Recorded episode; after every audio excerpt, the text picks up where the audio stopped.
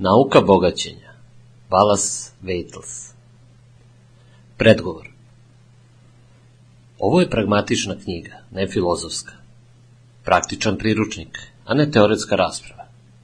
Namenjen je muškarcima i ženama čija je najhitnija potreba novac. Onima koji najpre žele da postanu bogati, a onda da filozofiraju o tome. Ona je za one koji do sada nisu našli ni vremena, ni načina, ni prilike da dublje urone u metafizička učenja, ali koji žele rezultate i voljni su da naučne zaključke prihvate kao temelj svog delovanja, bez ulaženja u sve one postupke putem kojih su ti zaključci postignuti.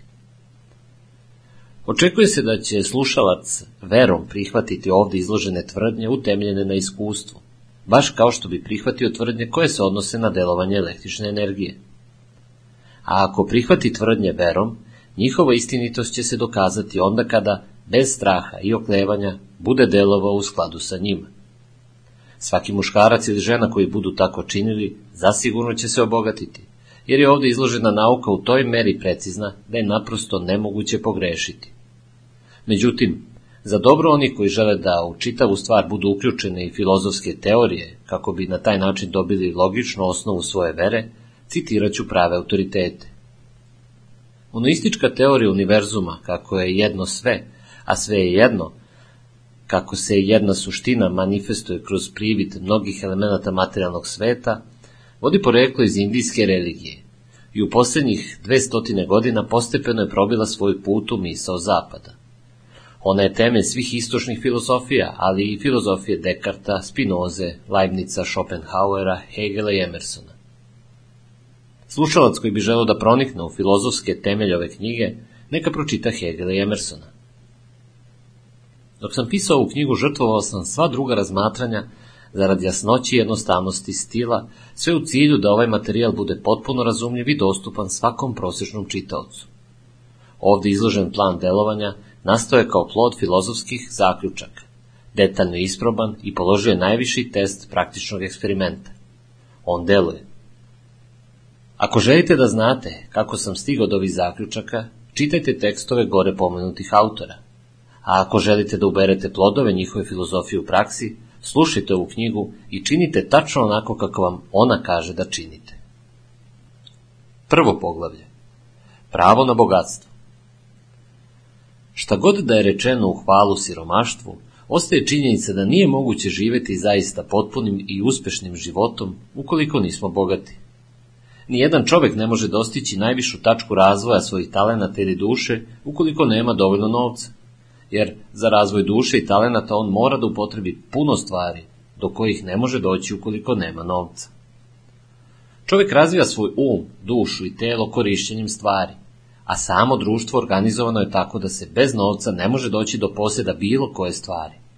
Upravo iz tog razloga bi nauka bogaćenja morala da postane temelj svekolikog napredovanja čoveka. Cilj sveukupnog života je razvoj. Sve što živi ima neotuđivo pravo na razvoj u punoj meri. Čovekovo pravo na život podrazumeva pravo na slobodnu i neograničenu upotrebu svih onih stvari koje su neophodne za njegov najpotpuniji mentalni, spiritualni i fizički razvoj, odnosno drugim rečima, podrazumeva njegovo pravo da bude bogat. U ovoj knjizi neću figurativno govoriti o bogatstvu. Biti istinski bogat ne znači biti zadovoljan sa malo. Nijedan čovek ne bi smeo da bude zadovoljan sa malo ukoliko je sposoban da koristi i uživa u više. Namera prirode je napredovanje i razvoj života. I svaki čovjek bi trebalo da ima sve što doprinosi moći, eleganciji, lepoti i bogatstvu života. Biti zadovoljan sa manje od toga je greh. Čovjek koji posjeduje sve što želi da bi živeo onaj život koji je sposoban da živi, bogat je. A nijedan čovjek koji nema puno novaca ne može da ima sve što želi. Život je toliko uznapredovao i postao tako složen da čak i najobičniji muškarac ili žena imaju potrebu za velikom količinom novca kako bi mogli da žive načinom života koji vodi celovitosti. Svaka osoba prirodno teži tome da postane sve ono što je sposobno da postane. Ta želja za ostvarenjem unutrašnjih potencijala imanentna je ljudskoj prirodi. Mi ne možemo ništa protiv htenja da budemo sve ono što možemo biti. Uspeh u životu podrazumeva da postaneš ono što želiš da postaneš. A do toga se može doći samo putem korišćenja svih dostupnih stvari, a stvari su dostupne samo ako postaneš dovoljno bogat da bi mogao da ih kupiš. Zbog toga je najbitnije od sveg znanja razumeti nauku bogaćenja. Nema ničeg lošeg u nameri da se bude bogat. Želja za bogatstvom u stvari jeste želja za bogatijim, potpunijim i obilnijim životom, a ta želja je hvale vredna. Čovek koji ne želi da živi u većem obilju nije normalan, pa je tako i onaj koji ne želi da ima dovoljno novca kako bi kupio sve što hoće, nenormalan. Postoje tri motiva zbog kojih živimo. Živimo za telo, živimo za um, živimo za dušu. Nijedno od pobrojanog nije ni bolje, ni svetije od ostalih. Sve treba da bude jednako zastupljeno i ni jedno, ni telo, ni um, ni duša, ne može živeti potpuno ako su ostala dva odsečena od punoće života. Nije ni ispravno, ni plemenito živeti samo za dušu, a poricati um i telo, a pogrešno je živeti za intelekt, a poricati telo ili dušu. Svima nama su poznate teške posljedice življenja za telo na račun uma i duše. Shvatamo da stvaran život znači potpuno izražavanje svega onoga što čovek može da ispolji kroz svoje telo, um i dušu. Šta god da kaže, nijedan čovek ne može biti stvarno srećan ili zadovoljan sve dok njegovo telo ne proživljava potpuno svaku svoju funkciju, a isto važi za njegov um i njegovu dušu. Gde god postoji neispoljena mogućnost ili neizvršena funkcija, tu je i nezadovoljena želja.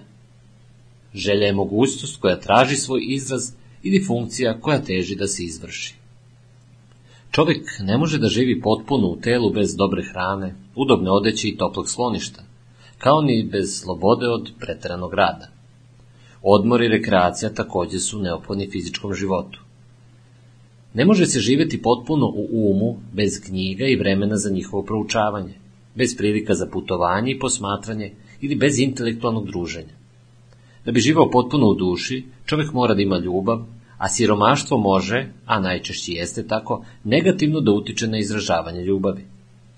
Čovjek koji nema šta da pruži, ne može da ispuni svoju ulogu supruga ili oca, građanina ili muškarca. Kroz upotrebu materijalnih stvari, čovjek ostvaruje punoću življenja svog tela, razvija svoj um i svoju dušu. Zbog toga je od najveće važnosti postati bogat. Savršeno je u redu ako imate želju da budete bogati. Ako ste normalan muškarac ili žena, vi ni ne možete drugačije. Savršeno je u redu da obratite najveću pažnju nauci bogaćenja, jer ona predstavlja jedno od najuzvišenijih i najpotrebnijih učenja. Ako zanemarite ovo učenje, zanemarili ste dužnost prema sebi, prema Bogu i prema čovečanstvu, jer ni Bogu ni čovečanstvu ne možete uzvratiti većim služenjem od onoga u kome ste ostvarili najviše što ste mogli. Drugo poglavlje. Postoji nauka bogaćenja. Postoji nauka bogaćenja i to je vrlo precizna nauka, ne manje nego što je to algebra ili aritmetika. Određeni zakoni upravljaju postupkom sticanja bogatstva, a kada se ti zakoni jednom naučne i kada čovek počne da vlada njima, on će se obogatiti sa matematičkom sigurnošću. Posjedovanje novca i druge imovine nastaje kao rezultat delovanja pomenutih zakonitosti.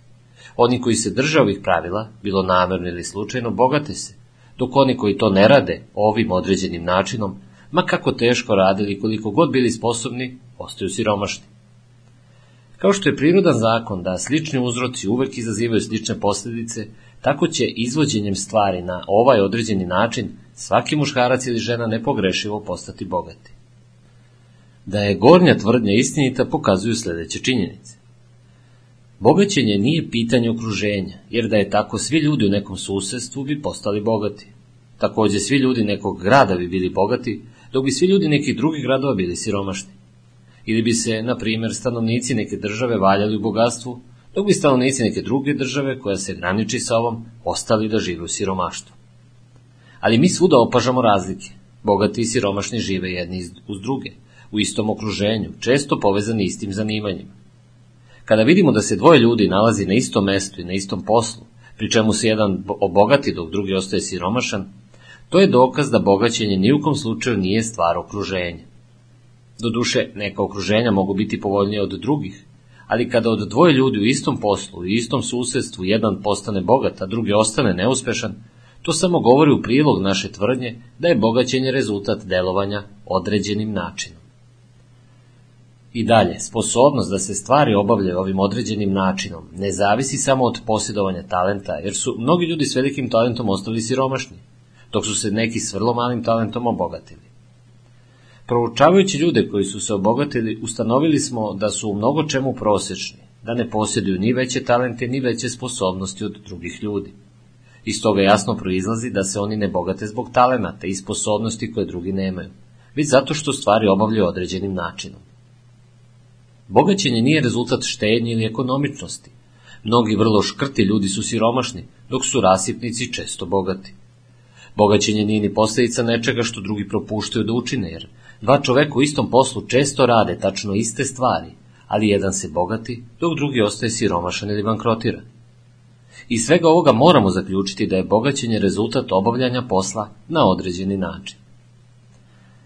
Ako je bogaćenje rezultat delovanja na određeni način i ako slični uzroci uvek proizvode slične posljedice, onda svaki muškarac ili žena koji mogu na taj način da obavljaju stvari, mogu da postanu bogati, pa otuda čitava stvar zadire u područje prave nauke. Ovde se sada postavlja pitanje, da li je određeni način toliko težak da ga može slediti tek mali broj ljudi? To ne može biti tačno, kao što smo videli, barem što se tiče urođenih sposobnosti. Talentovani ljudi se bogate, ali bogate se i budale. Bogate se intelektualni genijalci, ali i vrlo glupi ljudi. Bogate se fizički jaki, ali i slabi, bolesni ljudi se takođe bogate. Naravno, u izvesnoj meri je potrebna i sposobnost razmišljanja i razumevanja, no što se toga tiče, svaki muškarac ili žena koji mogu da pročitaju i razumeju ove reči, mogu sigurno i da se obogate. Takođe videli smo da se ne radi o okruženju. Mesto ima svoju važnost, ali to nije od presudnog značaja. Ipak ne bi trebalo ići u srce Sahare i očekivati tamo uspešan posao. Bogaćenje uključuje veštinu ophođenja s ljudima, kao i neophodnost da se bude tamo gde su ljudi s kojima je poželjno poslovati. A ako su ti ljudi skloni da posiju na način na koji vi to želite, tim bolje. Toliko što se okruženja tiče. Ako se bilo ko u vašem gradu može obogatiti, možete i vi. I ako se bilo ko u vašoj državi može obogatiti, možete i vi. Ponovo, ne radi se o izboru nekog određenog posla ili profesije. Ljudi se bogate u svakom poslu i u svakoj profesiji, dok drugi u istom poslu ostaju siromašni. Istina je da ćete najbolje raditi u poslu koji volite i koji vam je primeren. A ukoliko posjedujete neke talente i vesti ih razvili, najbolje ćete obavljati posao koji vam pruža mogućnost da neprekidno iskazujete svoje sposobnosti. Takođe, najbolje ćete obavljati posao koji je primeren vašem mestu boravka. Proizvođač sladoleda bolje će uspeti u toploj klimi nego na Grenlandu, a ribar koji lovi losose pre na severozapadu nego na Floridi, gde uopšte nema lososa. Ali ostavimo po strani ova opšta ograničenja. Bogaćenje ne zavisi od vašeg učešća u nekom određenom poslu, već od znanja obavljanja posla na određeni način. Ako ste sad u poslu i svako drugi u vašem mestu uspeva da se obogati u istom poslu, a samo vi u tome ne uspevate, to je zato što ne obavljate stvari na isti način. Niko nije sprečen da se obogati zbog nedostatka kapitala. Istina, ako imate kapital, njegovo uvećanje ide lakše i brže. Ali onaj koji ima kapital već je bogat i ne treba da razmišlja kako da to postane. Nije važno koliko ste siromašni, ako počnete da radite stvari na određeni način, počećete da se bogatite, a time i da stičete kapital. Posjedovanje kapitala je deo postupka bogaćenja, a ujedno i deo rezultata koji neizostavno sledi, ukoliko se stvari izvode na određeni način. Možete biti najsiromašniji čovek na kontinentu, duboko u dugovima, možete biti bez prijatelja, uticaja, sredstava, ali ako krenete da obavljate stvari na ovaj način, počećete nepogrešivo da se bogatite, jer slični uzorci moraju da stvore slične posledice.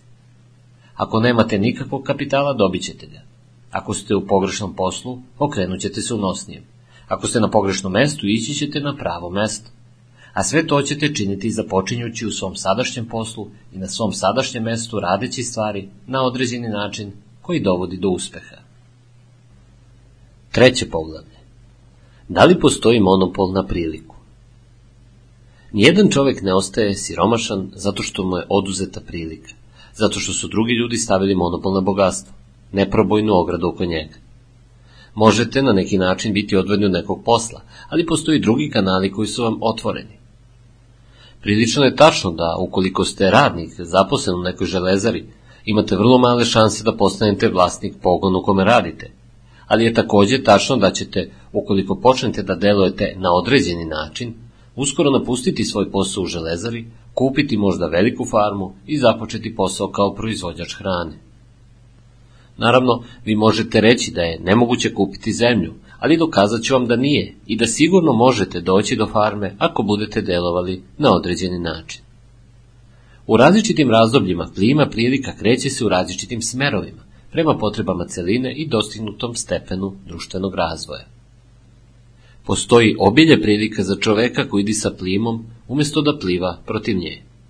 Tako radnici u fabrikama, ni kao pojedinci, ni kao klasa, nisu lišeni prilika. Radnici nisu pod pritiskom gospodara, trustovi i veliki kapital ne zadržavaju ih na zemlji, ne dajući im da polete. Kao klasa su tamo gde jesu, jer ne rade stvari na određeni način. Radnička klasa može da postane vodeća klasa čim počne da obavlja stvari na određeni način. Zakon bogatstva isti je za njih kao i za sve druge, ali to moraju da nauče, a do tada će ostati tu gde jesu onoliko dugo koliko nastavljaju da čine ono što sada čine. Pojedinačnog radnika, međutim, ne zadržava neznanje, niti mentalna lenjost njegove klase. On može da sledi plimu prilika koja vodi ka bogatstvu, a ova knjiga će mu reći kako. Niko ne treba da ostane siromašan zbog pomenkanja bogatstva, jer svega ima više nego dovoljno za sve nas. Palata poput zgrade kongresa u Vašingtonu može da se sagradi za svaku porodicu na ovoj zemlji i to od građevinskog materijala kojeg ima dovoljno već u Sjedinjenim državama. A ako bi se intenzivno kultivisala, ova zemlja mogla bi da proizvodi dovoljno vune, pamuka, lana i svire da obuče svaku osobu na svetu finije nego što i sam Solomon bio ukrašen u svoj svojoj slavi, kao i takvu količinu hrane koja bi i tekako bila dovoljna da nahrani sve. Čak i vidljiva zaliha praktično je neiscrpna, a nevidljiva se tek ne može iscrpeti. Sve što vidimo na zemlji nastalo je iz jedne početne substance iz koje se rađaju sve stvari. Svedoci smo toga da neprekidno nastaju novi oblici, a nestaju stari, ali svi oni vode poreklo iz jedne te iste stvari. Ne postoje ograničenja zaliha bezoblične ili probitne substance. Od nje je načinjen svemir, ali se ona nije istrošila u stvaranju svemira. Prostori u, kroz i između oblika vidljivog svemira prožeti su ispunjeni prvobitnom, bezobličnom substancom, izvornom građom svih stvari. Čak i da se deset hiljada puta ponovo stvori ono što je do sada stvoreno, ni najmanje se ne bi iscrpela zaliha univerzalne građe. Prema tome, nijedan čovjek nije siromašan zbog siromaštva prirode ili zato što oko njega nema dovoljno bogatstva. Priroda je neiscrpno skladište bogatstva, njene zalihe nikada se neće istrošiti. Probitna substanca je živa i kreativna energija koja stalno proizvodi nove oblike. Kada se potroši zaliha gradivnog materijala, treba ga proizvesti još. Kada se iscrpi tlo pa na njemu više ne rastu biljke iz kojih proizvodimo hranu ili materijale za odeću, naći će se način da se obnovi pa će ga biti još više. Kada bi se svo zlato i srebro iskopalo iz zemlje, ako bi čovek još bio na stupnju tom društvenog razvoja da mu je potrebno zlato i srebro, još bi se toga stvorilo iz bezobličnosti. Bezoblična substanca odgovara na potrebe čoveka. Ona ga neće ostaviti bez bilo kojeg dobra. I ovo je istina koja važi za čitavu ljudsku zajednicu. Vrsta kao celina uvek ostaje neograničeno bogata, a ako su neki pojedinci siromašni, to je zato što ne slede određeni način na koji treba delovati, a to je upravo način koji omogućuje da se i svaki pojedinac obogati. Bezoblična substanca je inteligentna, to je misleća substanca. Ona je živa i uvek inklinira prema još življem. Tragati za još življem jeste prirodni i imanentni životni impuls. Takođe, u prirodi inteligencije da se uvećava, a u prirodi svesnosti da traga za širenjem granice i pronalaženjem potpunijeg izraza. Univerzum oblika sačinjen je iz bezoblične žive substance koja biva uobličena da bi se potpunije izrazila. Univerzum je velika, živa prisutnost čiji karakter je takav da se uvek kreće prema još življem i potpunijem funkcionisanju. Priroda je oblikovana radi razvoja života, ekspanzija života je nagon kome ona ne može da odoli. Iz tog razloga sve ono što može da služi životu, obskrbljeno i izdašno. Prema tome nestašica ne postoji, jer bi u suprotno Bog bio u sukobu sa samim sobom, poništavajući sobstveno delo. Zato vi koji oskudevate niste siromašni usled pomenkanja bogatstva.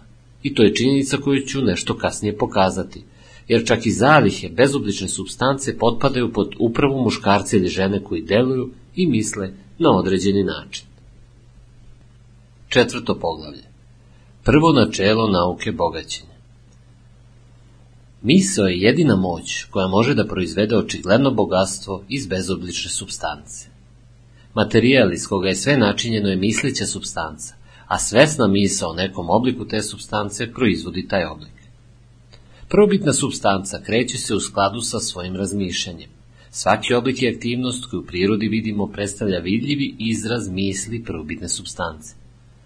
Kada bezoblična substanca razmišlja o obliku, ona preuzima taj oblik.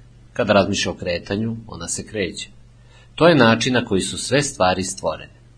Živimo u svetu misli, koji je deo mislićeg univerzuma. Misa univerzuma koji u pokretu širi se kroz bezobličnu substancu, a misleća substanca kreće se u skladu sa tom mišlju, preuzimajući oblik planetarnih sistema koje ih zadržava. Misleća substanca uzima oblik svojih misli i kreće se u skladu sa njima. Držeći se ideje o kružećim sistemima sun, sunaca i svetova, ona uzima oblik tih tela i pokreće ih svojom mišlju. Razmišljajući o obliku sporo rastućeg drveta hrasta, ona se kreće u skladu sa tim i proizvodi drvo, iako su joj za taj posao potrebni vekovi. Kroz stvaranje, bezobličnost se izgleda kreće u skladu sa zacrtanim kretanjem.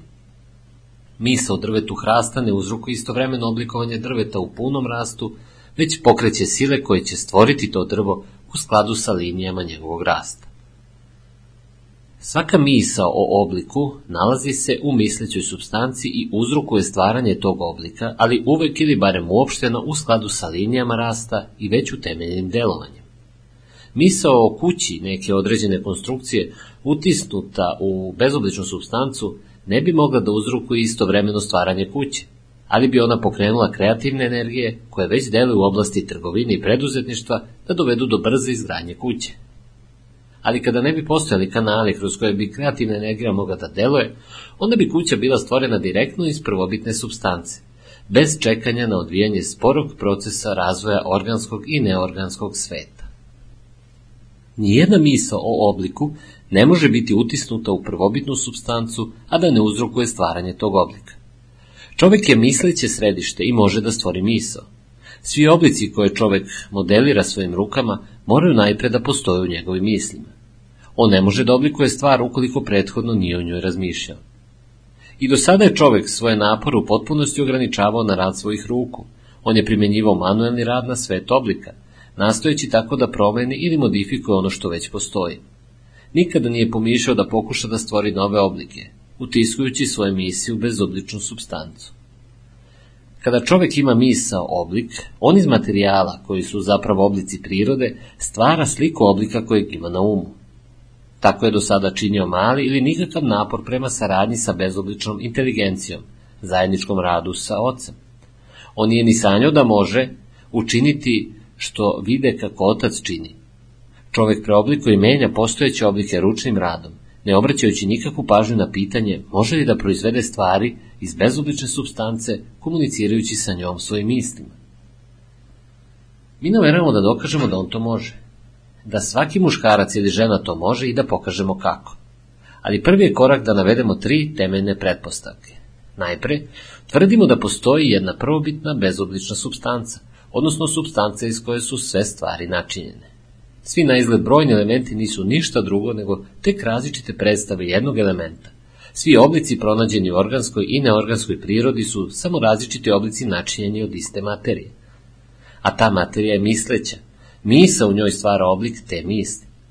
Misa u mislećoj substanci proizvodi oblike. Čovek je središte mišljenja, sposoban za originalnu misao, ako može da prenese svoju misao originalnoj mislećoj substanci, onda može i da prouzrukuje stvaranje ili obrazovanje stvari o kojoj razmišlja. Ukratko, postoji misleća substanca iz koje su sve stvari načinjene i koja u svom prvobitnom stanju prožima, prodire i ispunjava među prostor univerzuma. Misao unutar te substance proizvodi stvar koja je zamišljena. Čovek može da oblikuje stvari svojim mišljenjem. Utiskujući misiju u bezobličnu substancu, on može da prouzrukuje stvaranje onoga o čemu misli. Ako se neko pita mogu li da dokažem ove tvrdnje, bez ulaženja u detalje, moj odgovor je da mogu, i to logikom i iskustvom.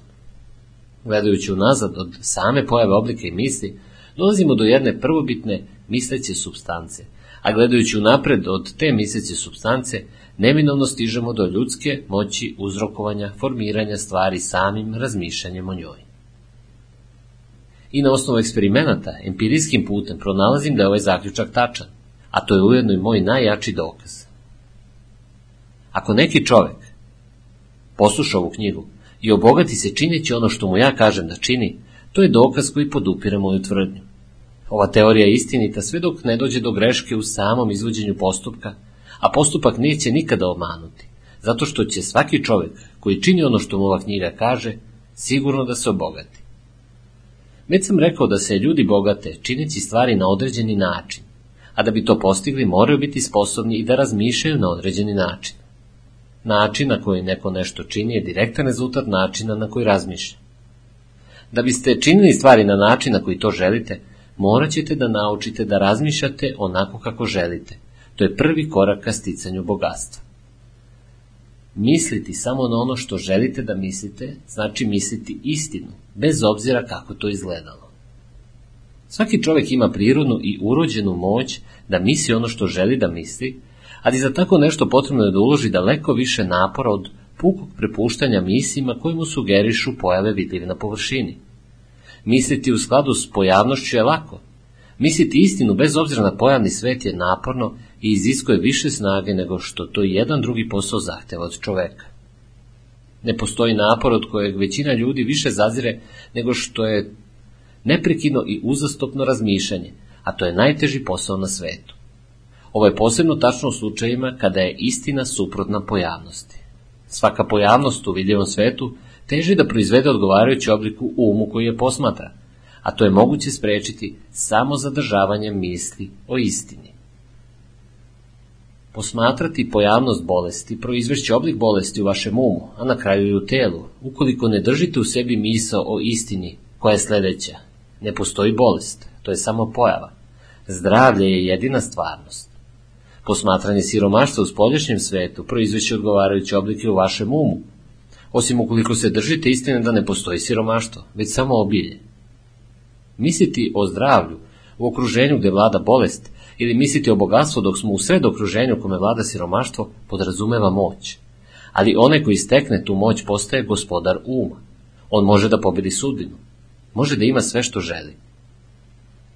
Ovu moć je moguće steći prihvatanjem temene činjenice koja se nalazi iza svih spoljašnjih manifestacija, a to je da postoji jedna misleća substanca iz koje i od koje je sve stvoreno. Zatim moramo prihvatiti istinu da svaka misao zadržana u toj substanci postaje oblik i da čovek na taj način može da utisne svoje misije u nju i uzrokuje da one uzmu oblik i postanu vidljive. Kada to shvatimo, gubimo svaku sumnju i strah jer znamo da možemo da stvorimo ono što želimo da stvorimo, da imamo sve ono što želimo da imamo i najposle da postanemo sve ono što želimo da postanemo. Prvi korak prema bogatstvu jeste verovanje u tri fundamentalne tvrdnje iznete ranije u ovom poglavlju, a da bi ih naglasio, ponavljam. Postoji misleća substanca iz koje su sve stvari stvorene i koja u svom prvobitnom stanju prožima, prodire i ispunjava među prostor univerzuma. Misa u toj substanci proizvodi stvar koja je njome zamišljena. Čovek može da oblikuje stvari svojim mislima, utiskujući ih u bezobličnu substancu, on može da dovede do materializacije onoga o čemu razmišlja. Prema tome, ukoliko želite da se obogatite, morate da odložite sve druge koncepte o univerzumu osim ovog monističkog i da istrajete na njemu sve dok vam se ne učvrsti u umu i postane stalna misao i praksa. Preslušavajte ovo uverenje uvek iznova. Svaku reč utisnite u pamćenje i neprekidno razmišljajte o njima sve dok čvrsto ne poverujete ono što kažu. Ako se u vama pojavi sumnja u ovu ideju, odbacite je kao greh. Ne slušajte argumente koji protivreče ovoj ideji. Ne odlazite u crkve niti na predavanja gde se podučava ili propoveda suprotno. Ne čitajte magazine ni knjige koji podučavaju drugim idejama, ako im dopustite da se približe vašoj veri, svi vaši napori biće uzaludni. Ne pitajte se zašto su ove stvari istinite i ne pogađajte kako to mogu biti. Jednostavno ih prihvatite, sa apsolutnim poverenjem. Nauka bogaćenja započinje sa apsolutnim prihvatanjem ove vere. Peto poglavlje. Ekspanzija života. Da biste se obogatili, dakle, morate napustiti i zadnje ostatke stare ideje kako postoji božanstvo čija je volja da budete siromašni ili čija je namera da vas drži u stanju siromaštva. Inteligentna substanca koja je sve i u svemu i koja živi u svemu i u vama jeste svesna živuća substanca. A budući da je to svesna živuća substanca, ona mora imati narav i urođenu težnju za povećanjem života u svakoj živućoj inteligenciji. Svaka živa stvar mora stalno da traga za povećanjem svog života, jer se u samom činu življenja krije neodoljiva težnja za povećanjem života. Semenka spuštena u zemlju aktivira se i u činu življenja proizvodi još stotine semenke. Život se samim življenjem umnožava. On večito ide ka tome da postane nešto više i tako mora da čini ukoliko uopšte želi da nastavi svoje postojanje. Inteligencija je pod istim ovim imperativnom stalna ekspanzije. Svaka misl koju mislimo nužno stvara i druge misli. Svesnost se stalno širi. Svaka činjenica koju naučimo vodi nas ka učenju druge činjenice. Znanje se stalno uvećava. Svaki talenat koji razvijamo donosi umu želju za kultivisanjem drugog talenta. Mi smo predmet nagona života koji traži svoj izraz, stalno nas nagoneći da znamo više, činimo više i budemo više. Stoga, da bismo znali više, činili više i bili više, moramo imati više. Moramo imati stvari za upotrebu, jer učimo i činimo i postajemo samo kroz korišćenje stvari. Moramo da postanemo bogati da bismo imali više od života. Želja za bogatstvom je jednostavno impuls života koji traži ispunjenje kroz uvećanje. Svaka želja je nastojanje neke neispoljene mogućnosti da dobije priliku delovanja. Radi se o moći koja traži mogućnost manifestacije nečega što je prouzrokovalo želju. Ono što uzrokuje da želite više novca je isto ono što bijici omogućuje rast. To je život koji traži potpuniji izraz. Jedna živuća substanca mora da bude predmet ovog bitnog zakona celokupnog života. Ona je prožeta željom za ekspanzijom života, a to je osnov svake kreativnosti. Ta jedna substanca želi više da živi u vama, zato i želi da imate sve stvari koje možete koristiti. Božija želja je da budete bogati. On želi da budete bogati kako bi mogao sam sebe bolje da izrazi kroz vas. On želi da imate obilje stvari na raspolaganju, pružajući njemu samom mogućnost da se izrazi. On može potpunije da živi u vama ukoliko imate neograničenu kontrolu nad sredstvima za život. Univerzum želi da imate sve što želite da imate. Priroda je prijatelj vašim planovima. Sve je za vas prirodno. Odlučite da je ovo istina. Bitno je, međutim, da se vaše namere usklade sa namerama onoga što je u svemu. Morate želeti stvaran život, ne samo užitak kroz čulni doživlje. Život je vršenje funkcije i pojedinac živi stvarno tek kada bez preterivanja vrši svaku funkciju za koju je sposoban, fizičku, mentalnu i spiritualnu. Da se razumemo, Vi ne želite da se obogatite da biste živjeli kao svinja, veličajući životinske želje, jer to i nije život dostojan čoveka. Ali vršenje svake fizičke funkcije jeste deo života i niko ne živi u potpunosti ukoliko negira impulse tela, koji su pokazate njegove normalnosti i zdravlja. Vi ne želite da se obogatite ni zbog toga da biste likovali zbog svoje intelektualne nadmoći, sakupljali znanje, veličali ambiciju, zasenili drugi postali slavni. Sve to su legitimni izrazi života. Ali čovek koji živi samo za užitke intelekta, živi samo delimično i nikada neće biti u potpunosti zadovoljan. Vi ne želite da se obogatite ni samo zarad dobra drugih, u nastojanju da pomognete drugima i uživate u altruizmu i nesebičnom delanju. Radosti duše samo su jedan deo života i nisu ni bolje ni plemeniti od drugih njegovih delova. Vi ne želite da se obogatite samo da biste mogli da jedete, pijete, i budete veseli kada dođe vreme za to, već i da biste mogli da se okružite veličanstvenim stvarima, da vidite daleke zemlje, nahranite svoj um i razvijete svoj intelekt. Da biste mogli da volite ljude, činite dobre stvari i budete sposobni da igrate važnu ulogu u pomaganju svetu da pronađe istinu. Ali, zapamtite da ekstremni altruizam nije ništa bolji ni plemeniti od ekstremne sebičnosti. I jedno i drugo su pogrešni.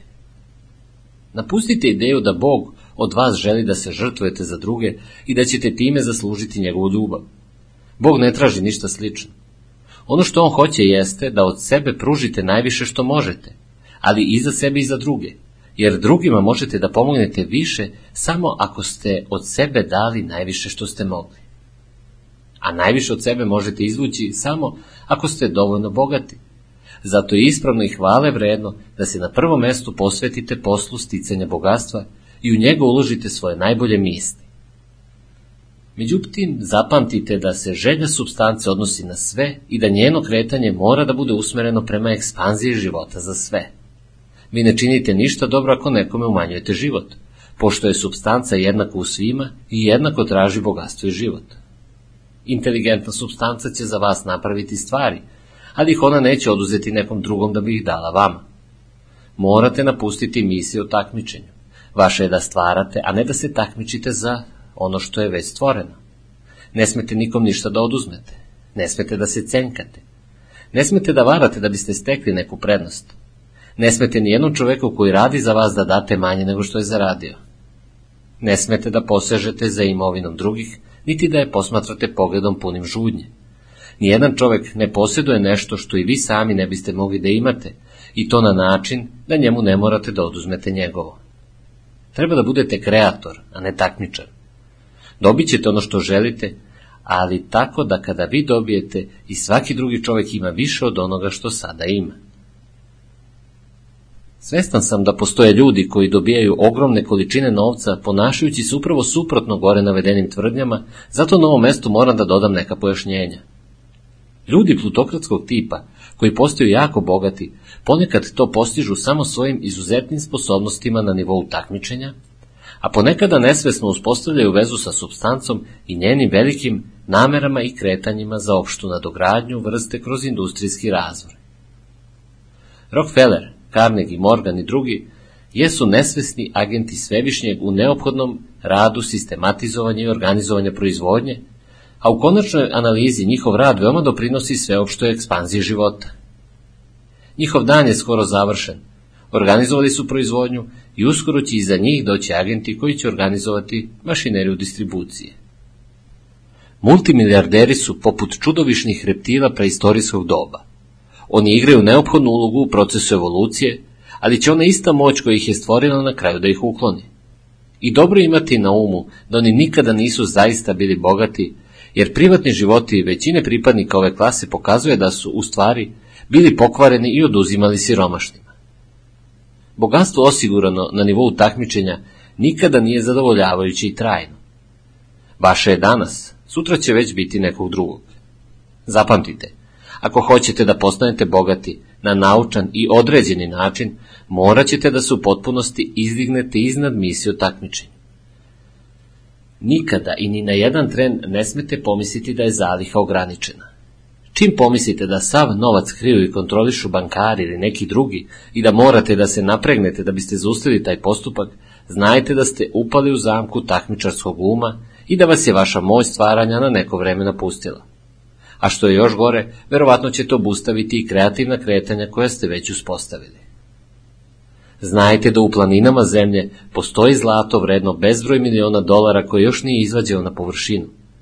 I znajte da bi ga, ukoliko ga više i ne bi bilo, stvorila misleća substanca kako bi zadovoljila vaše potrebe. Znajte da će novac koji vam je potreban stići, čak ako je neophodno da hiljade ljudi koliko sutra otkrije nove rudnike zlata. Nikada ne posmatrajte vidljivu zalihu, uvek nastojte da sagledate neograničeno bogatstvo u bezobličnoj substanci i znajte da vam ono dolazi brzinom kojom možete da ga primite i koristite. Nema tog čoveka koji trošenje vidljive zalihe može da spreči da vi dobijete ono što je vaše. Zato nikada sebi ne dopuštajte, čak ni na trenutak, da mislite kako će sav najbolji građevinski materijal biti potrošen pre nego što vi budete spremni da sagradite svoju kuću. Nikada ne brinite za trustovi, kombinate i ne bojte se da će oni uskoro posjedovati čitavu zemlju. Nikada se ne bojte da ćete izgubiti ono što želite, samo zato što neka druga osoba može da vas pobedi. To ne može da se dogodi. Vi ne tražite ništa što posjeduje neko drugi. Vi ste uzrok stvaranja onoga što želite iz bezoblične substance, a zaliha je neograničena. Prema tome, držite se već iznete tvrdnje. Postoji misleća substanca iz koje su sve stvari stvorene i koja u svom prvobitnom stanju prožima, prodire i ispunjava među prostor univerzuma. Misa u toj substanci proizvodi stvar koja je njome zamišljena. Čovek može da oblikuje stvari svojim mislima. Utiskujući ih u bezobličnu substancu, on može da dovede do materializacije onoga o čemu razmišlja.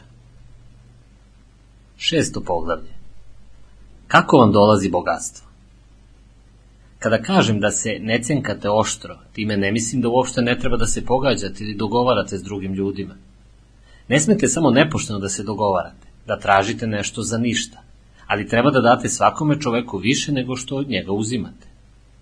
Istina, vi ne možete dati nekome više u gotovinskoj vrednosti nego što ste uzeli od njega, ali mu zato možete dati više u upotrebnoj vrednosti od gotovine koju ste od njega uzeli.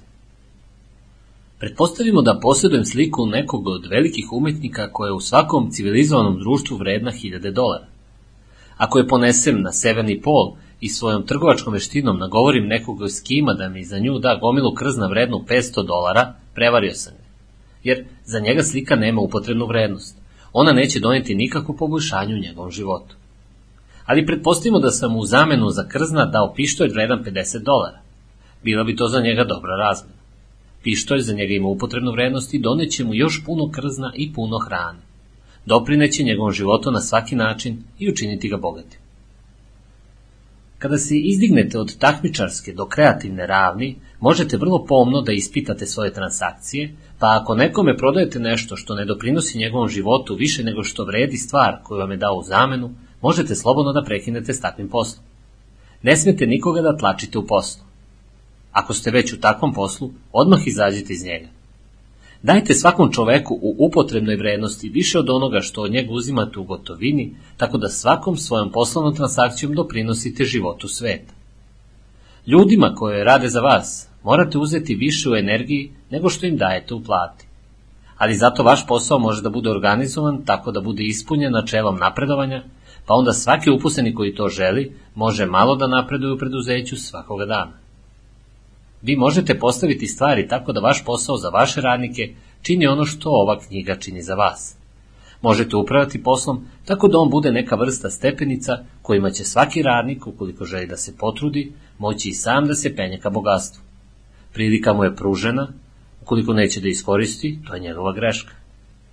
I na kraju, iako ćete uzrokovati stvaranje svog bogatstva iz bezoplične substance koja prožima čitao vaše okruženje, To ne znači da će bogatstvo uzeti oblik iz atmosfere i materializovati se pred vašim očima. Ako, na primer, želite mašinu za šivenje, to ne znači da misa o šivaćoj mašini treba da utisnete u misleću substancu sve dok se mašina sama od sebe ne oblikuje u sobi u kojoj sedite ili negde drugde. Ali, ukoliko želite šivaću mašinu, njenu mentalnu sliku treba da držite u svesti uz najpozitivnije osjećanje da će se pojaviti ili je već na putu ka vama. Nakon što jednom oblikujete misao, sačuvajte apsolutnu i nepoljuljanu veru o tome da šivaća mašina stiže. Nikada o njoj nemojte da razmišljate, niti da govorite drugačije, osim da ste sigurni u njeno prispeće. Verujte da je već vaša. Mašina će vam biti doneta silom vrhovne inteligencije koja deluje na umove ljudi. Ako živite u državi Maine, moguće je da mašinu donese čovjek iz Teksasa ili Japana, zaposle nekim poslom što će rezultirati time da vi dobijete ono što želite.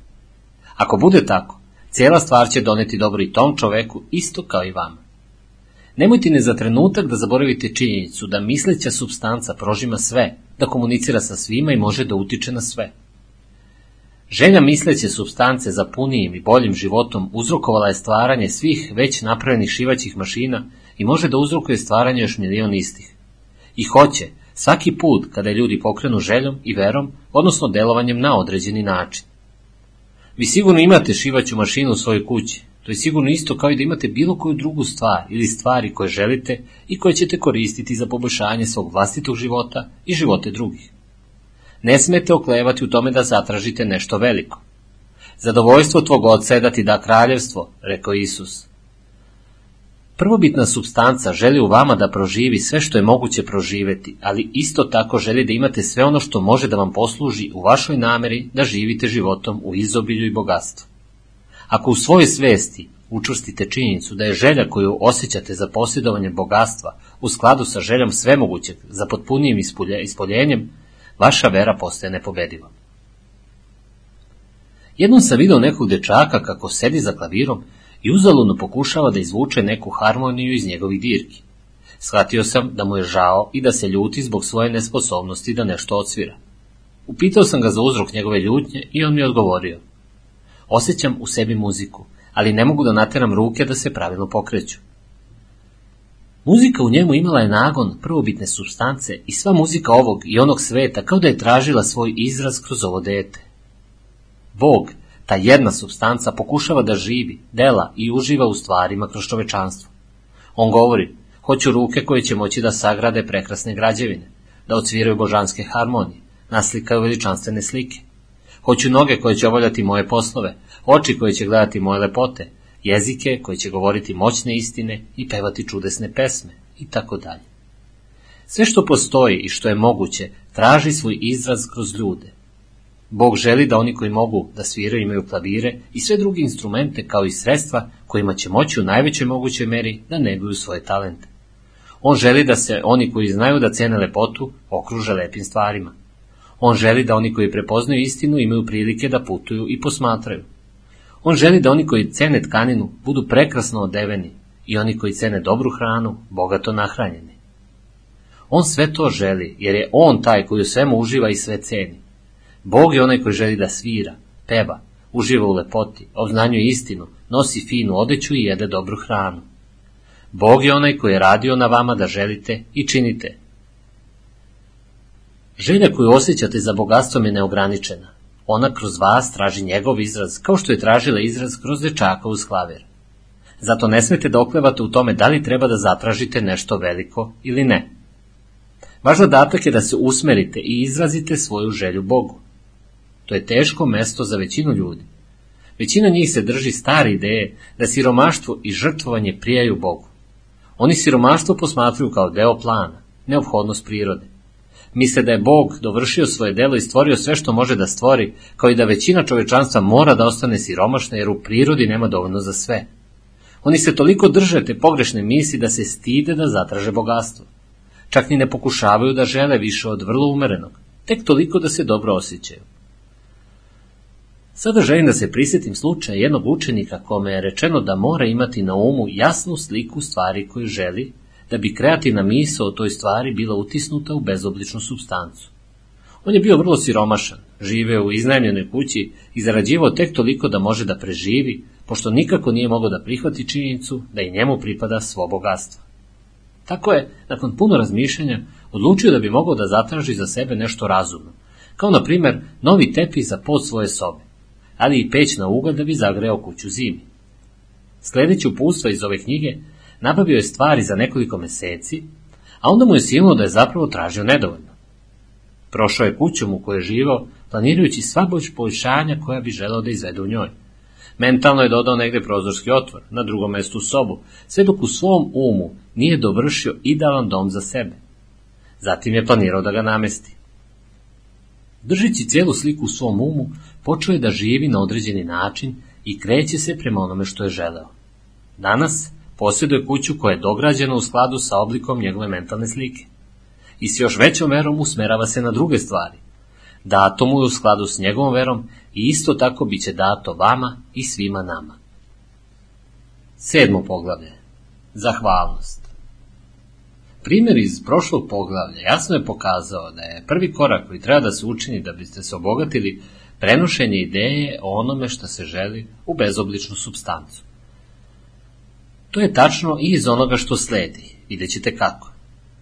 Da biste tako postupali, neophodno je da se na harmoničan način odnosite prema bezobličnoj inteligenciji. Harmoničnost tog odnosa je od tako primarne životne važnosti da se na ovom mestu mora dati prostor raspravi o tome. Ujedno ću vam dati upustva koja će vas sigurno, ukoliko ih budete slediti, dovesti u savršeno jedinstvo uma sa Bogom. Čitav postupak mentalnog usklađivanja može se sažeti u jednu jedinu reč. Zahvalnost. Prvo, verujte da postoji jedna inteligentna substanca iz koje sve proizlazi. Drugo, verujte da ta substanca hoće da vam pruži sve što želite. I treće, odnosite se prema njoj sa osjećanjem duboke i beskrajne zahvalnosti. Mnogi ljudi koji na sve druge načine žive ispravno, ostaju siromašni zbog nedostatka zahvalnosti. Primivši jedan dar od Boga, oni seku žicu koja ih povezuje s njim, propuštajući da mu izraze zahvalnost. Lako je razumeti činjenicu da što bliže smo izvoru bogatstva, to više bogatstva ćemo primiti. Zato je takođe lako razumeti da duša koja je uvek zahvalna živi u bližem dodiru sa Bogom od one koja nikada na njega ne gleda sa izrazom zahvalnosti. Što zahvalnije usmerimo svoje umove na sve mogućeg kada nam dođu dobre stvari, to više ćemo dobri stvari dobiti i one će nam brže stizati. Razlog za to leži jednostavno u tome što nas mentalni stav zahvalnosti dovodi u bliži dodir sa izvorom iz kojeg blagoslovi dolaze. Ako je za vas novost to da zahvalnost dovodi vaš um u sklad sa kreativnim energijama univerzuma, razmislite malo i shvatit ćete da je to istina. Dobre stvari su vam već pristigle kroz praćenje određenih zakona. Zahvalnost će dovesti vaš um na put kojim pristižu stvari i zadržat će vas u bliskom kontaktu sa kreativnim mišljenjem, sprečavajući da jednog trenutka budete obuzeti takmičarskim duhom. Sama zahvalnost može da vas drži usmerenim prema svemu, ne dopuštajući da se u vama rodi pogrešna misla o tome kako je zaliha ograničena, jer bi to bilo fatalno za sva vaša nadanja. Postoji zakon zahvalnosti i apsolutno je neophodno da ga razmotrite, ukoliko želite da postignete željene rezultate. Zakon zahvalnosti je prirodno načelo prema kome su akcije i reakcije uvek jednaki, ali u suprotnim smerovima. Zahvalnost uma u svojoj hvali sve moguće mjesto je oslobađanje ili trošenje sile. Ona ne može propustiti da dosegne ono ka čemu je upućena, pa je stoga reakcija istovremeno kretanje prema vama samima. Približi se Bogu i On će se približiti tebi. Ova tvrdnja predstavlja veliku psihološku istinu. Ako je vaša zahvalnost jaka i stalna, reakcija u bezobličnoj substanciji biće jaka i stalna. Kretanje onoga što želite uvijek će biti prema vama. Uočite stav zahvalnosti koju usvojio Isus kada je govorio Hvala ti, oče, što me čuješ. Ne možete iskusiti puno moći bez snažnog osjeća zahvalnosti, jer zahvalnost je ono što vas drži u vezi sa moći. Ali vrednost zahvalnosti nije samo u tome što će vam u budućnosti doneti više blagoslova. Bez zahvalnosti ne možete se sačuvati od nezadovoljnih misli. Onoga trenutka kada dopustite da u vašem umu preovlada nezadovoljstvo stvarima kakve jesu, počećete da gubite uporište. Vaša pažnja se tada fiksira na obično, opšte, siromašno, nečisto i beznačajno, pa otuda i vaš um uzima oblik takvih stvari. A onda ćete te iste oblike ili mentalne slike preneti u bezobličnu substancu, pa će vam onda dolaziti obične, opšte, siromašne, nečiste i beznačajne stvari. Dopustiti svom umu da boravi u manje vrednom okruženju znači postati manje vredan i okružiti se manje vrednim stvarima. S druge strane, učvrstiti svoju pažnju na najbolje znači okrenuti se najboljim i postati najbolji. Kreativna moć unutar nas oblikuje nas prema slici onoga čemu pridemo pažnju. Mi smo mislića substanca, a mislića substanca uvek uzima oblik onoga o čemu misli. Um koji je ispunjen zahvalnošću stalno je usmeren na najbolje, pa zato i postaje najbolji preuzimajući oblik ili osobine najboljeg, tako da će na kraju najbolji primiti. Takođe, iz zahvalnosti se rađa vera. Zahvalan um stalno očekuje dobro, a očekivanja postaju vera. Reakcija zahvalnosti proizvodi veru u umu, a svaki izlazeći talas zahvalnosti povećava tu veru. Onaj koji nema osjećaj zahvalnosti ne može dugo da zadrži živu veru, a bez žive vere ne možete se obogatiti kreativnim načinom, kao što ćemo videti u sledećim poglavljima. Neophodno je zato da negujete naviku zahvalnosti za svako dobro koje stigne, neprekidno se zahvaljujući. A budući da su sve stvari doprinele vašem napretku, valjalo bi da u svoju zahvalnost uključite i njih. Ne gubite vreme u razmišljanjima ili pričama o nestašicama ili pogrešnim akcijama plutokrata ili finansijskih magnata. Njihova organizacija sveta stvorila je vašu priliku. Sve što vam stvarno dolazi zbog njih. Ne besnite protiv korumpiranih političara. Da nije političara, svetom bi zavladala anarhija, pa bi vaša prilika bila znatno umanjena. Bog je dugo i vrlo strpljivo stvarao kako bi nas doveo tu gde jesmo u industriji i politici, a on dobro obavlja svoj posao. Ne postoji ni najmanja sumnja da će on ukinuti plutokrate, magnate, industrijalci i političare čim dođe vreme da ih se reši. Ali umeđu vremenu smatrajte ih dobrima. Setite se da svi oni doprinose tome da se utvrde putevi kojima će prema vama stizati vaše bogatstvo i budite im zbog toga zahvalni. To će vas dovesti u skladne odnose s dobrom u svemu, a dobro u svemu kretaće se prema vama. Osmo poglavlje. Misliti na pravi način. Vratite se u šesto poglavlje i ponovo poslušajte priču o čoveku koji je oblikovao mentalnu sliku svoje kuće i dobit ćete pravu ideju o početnom koraku prema bogaćenju. Morate, dakle, da stvorite jasnu i određenu mentalnu sliku onoga što želite. Ne možete preneti ideju koju sami nemate. Morate imati pre nego što ćete je preneti, a mnogi ljudi propuštaju da utisnu tu sliku u misleću substancu, jer sami imaju tek neodređen i maglovit pojam o stvarima koje žele da rade ili imaju. Nije dovoljno da imate samo uopštenu želju za bogatstvom, da biste njime činili dobro. Naprosto svako može da ima takvu želju. Nije dovoljno da imate želju da putujete, vidite nešto, živite puni i tako dalje. Svako ima takve želje.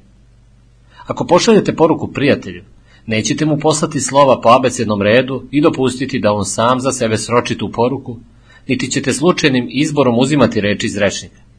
Poslaćete smislenu rečenicu koja nešto znači.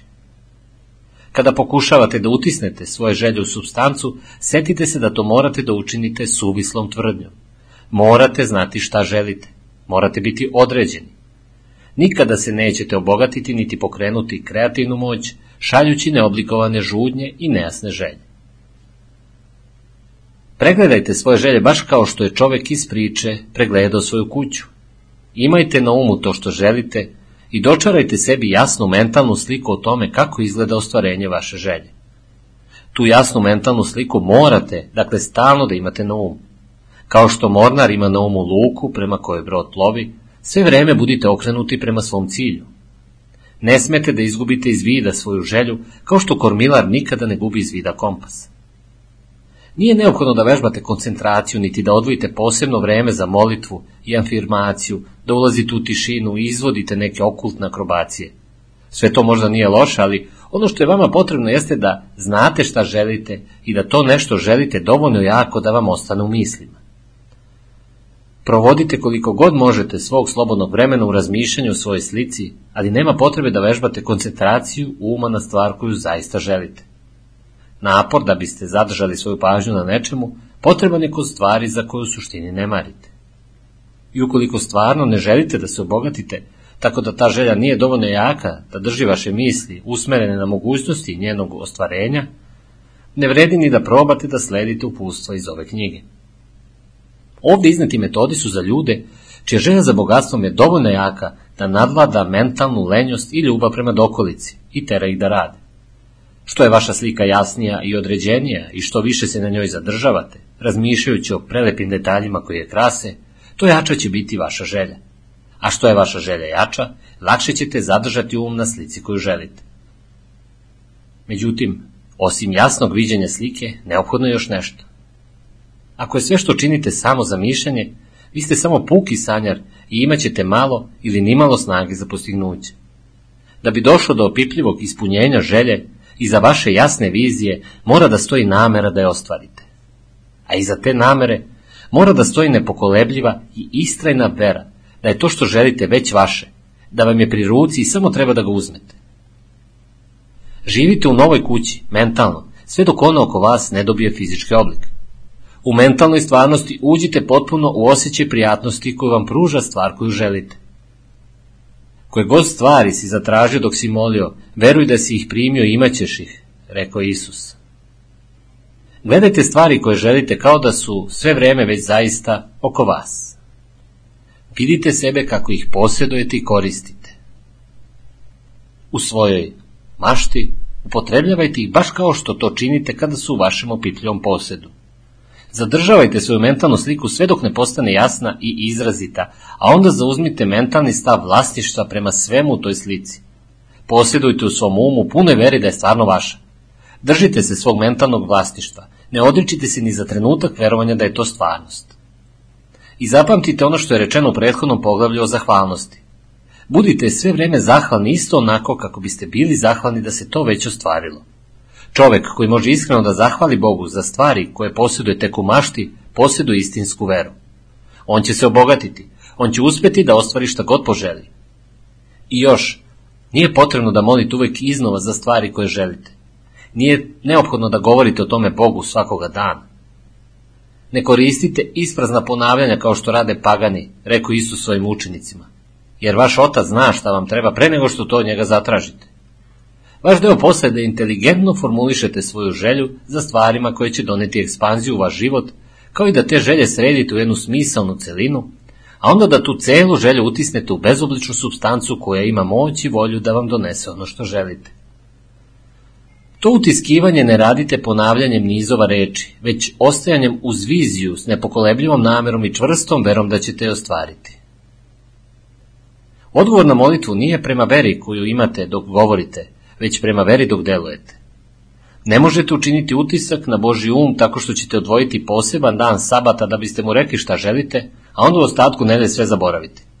Ne možete ga postaći ako su, ako su neke posebne sate zatvarate u osamo i molite, a onda posle toga odbacite stvari svog uma sve dok ponovo ne dođu sati molitve.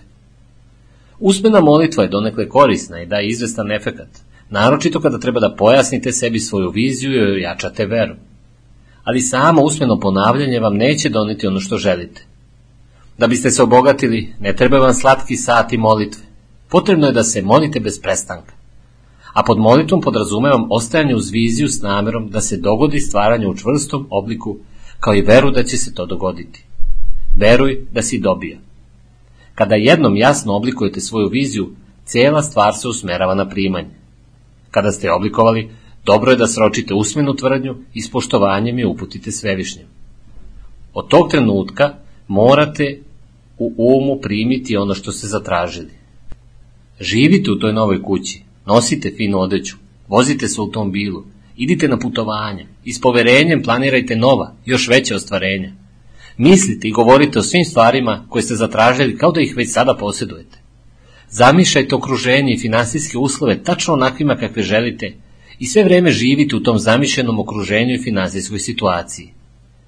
Imajte na umu, međutim, da to ne radite zato što ste neki sanjar ili gradite kule u vazduhu, već se držite vere da je sve to što zamišljate već ostvareno i čvrste namere da to i bude tako.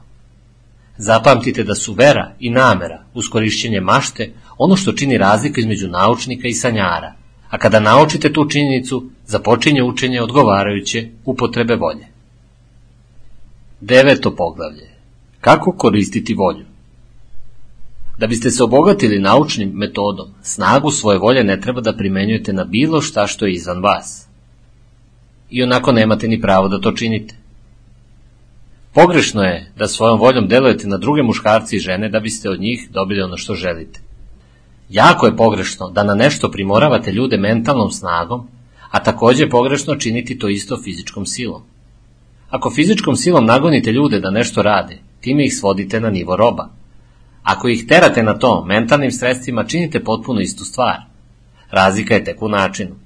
Ako fizičkom silom oduzmete ljudima nešto, to je pljačka, a pljačka je ako to učinite mentalnom silom. U tome nema nikakve razlike.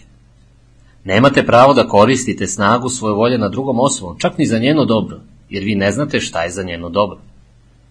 Nauka bogaćenja ne traži od vas primenu moći ili sile na bilo koju drugu osobu, ni na koji način.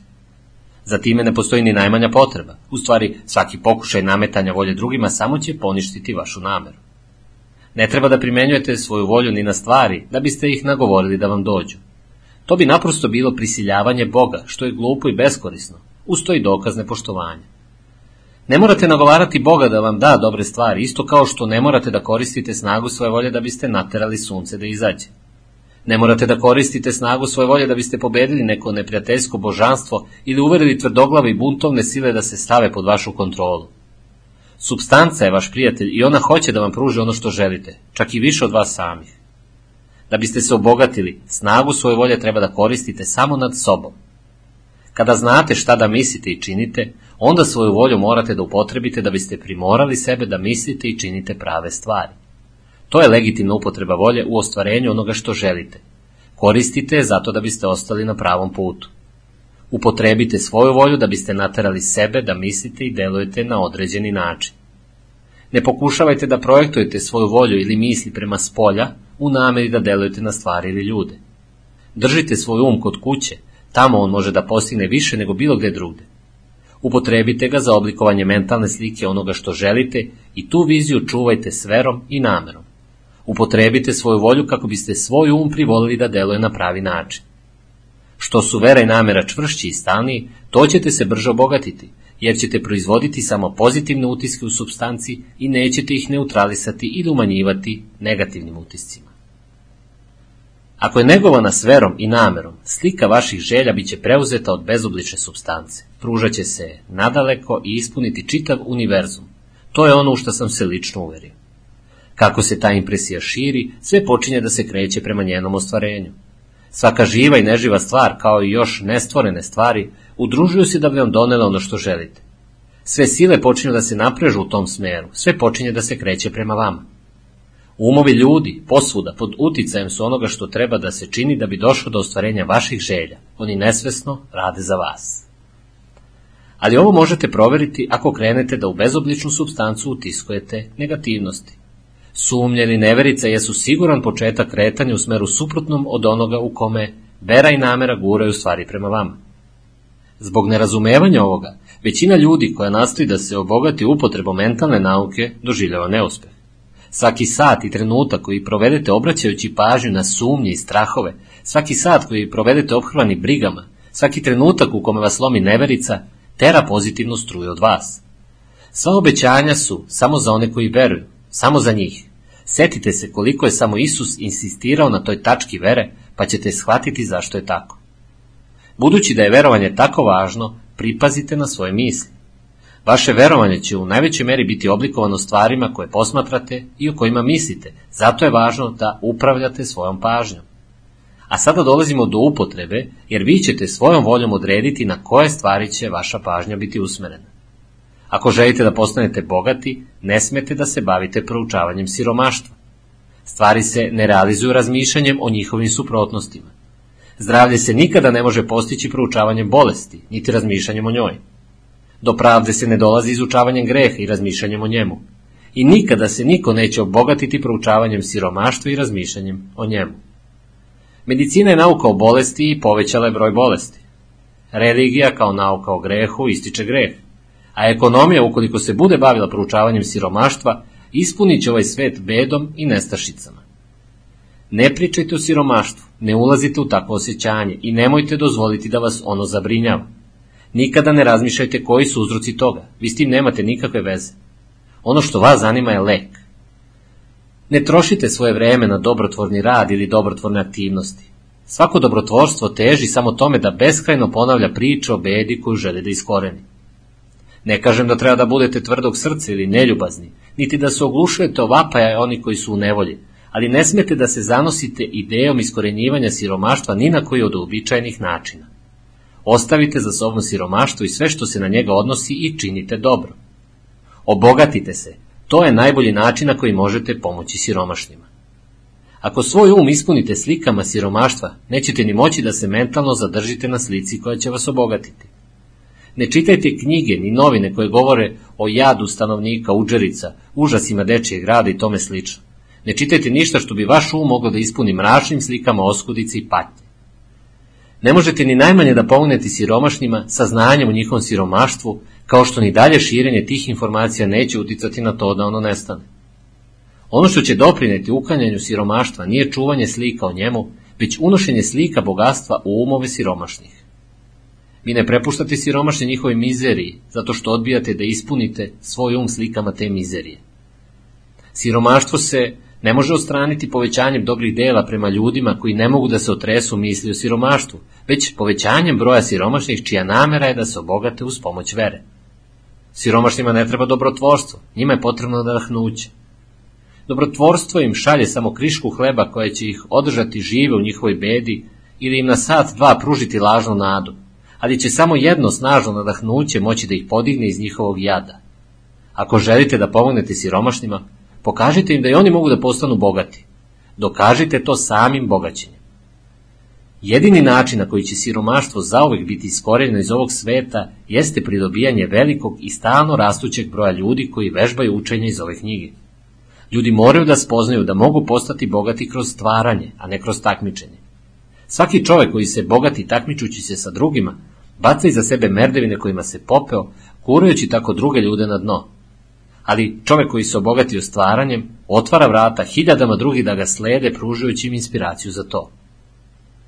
Kada odbijate da žalite siromaštvo, da ga vidite, da čitate, mislite, razgovarate o njemu ili čak slušate one koji o njemu govore, to ne znači da ste tvrda srce ili bezosjećajni.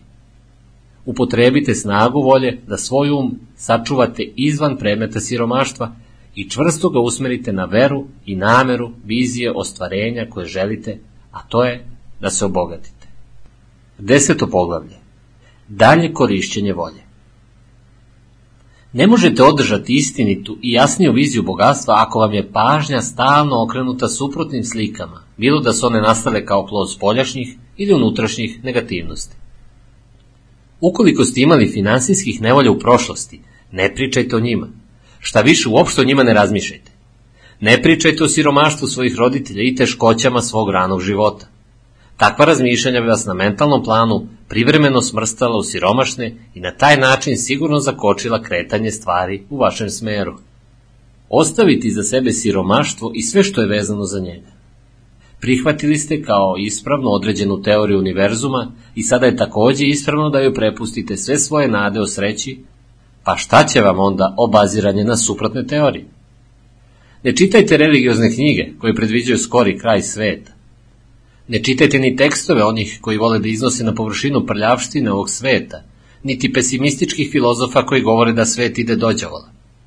Ovaj svet ide prema Bogu, ne prema đavolu. Postajanje je predivno.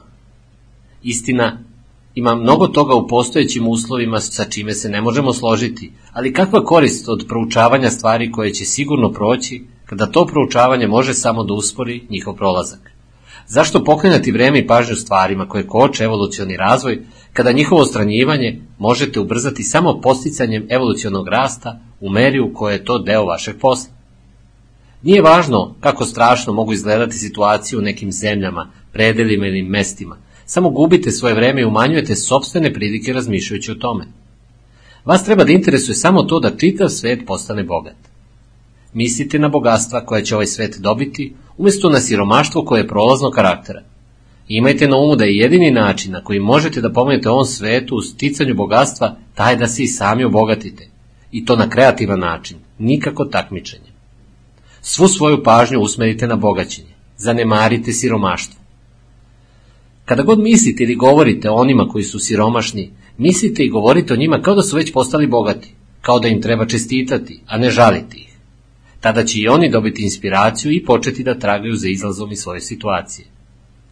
Iako vas savjetujem da sve svoje vreme, um i misli posvetite bogaćenju, to ne znači da treba da budete podli i zli. Postati bogat je najplemenitiji cilj koji možete imati u životu, jer on u sebe uključuje sve drugo. Ako se postavi na takmičarsku ravan, borba za bogaćenjem nije ništa drugo do bezbožna jagma za sticanje moći nad drugim ljudima. Ali kada dođemo do kreativnog uma, sve se menja. Sve što je moguće ostvariti na putu razvoja i razotkrivanja duše i služenja višim ciljevima, dolazi putem bogaćenja, jer sve postaje moguće kroz upotrebu stvari. Ako vam nedostaje fizičko zdravlje, uvidjet ćete da i ozdravljenje zavisi od vašeg bogaćenja. Samo oni koji su slobodni od finansijskih briga, koji imaju dovoljno sredstava za život i bezbrižnu egzistenciju, mogu da imaju održavaju dobro zdravlje. Moralna i spiritualna veličina moguća je samo kod onih koji su iznad takmičarske borbe za egzistenciju i koji su postali bogati na planu kreativne misli, slobodni od ponižavajućih uticaja takmičenja. Ako vaše srce teži sreći i toplini doma, zapamtite da ljubav cveta najbolje tamo gde vlada uglađenost, visok nivo misli i sloboda od korumpirajućih uticaja. A sve to moguće je naći samo tamo gde je bogatstvo ostvareno kroz vežbu kreativnog mišljenja, bez nepotrebnih sukoba i rivaliteta. Ponavljam, ništa nije tako veliko i plemenito kao što je bogaćenje.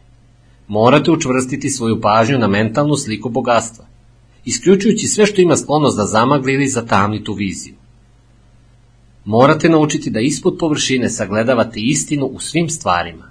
Morate videti da se pod prividno pogrešnim uslovima onaj veliki život stalno kreće unapred, prema potpunijem izrazu i sreći. Istina je da ne postoji siromaštvo, postoji samo bogatstvo. Neki ljudi ostaju u siromaštvu jer ne poznaju činjenicu da i njima pripada bogatstvo, a tu činjenicu najleše će naučiti ako im se ukaže na put ka bogaćenju u vlastitom životu. Drugi su siromašni jer su previše intelektualno lenji da potraži izlaz, iako osjećaju da on postoji. Najviše što za njih možete učiniti jeste da ih motivišete, ukazujući im na sreću koja proizilazi iz bogaćenja na ispravan način.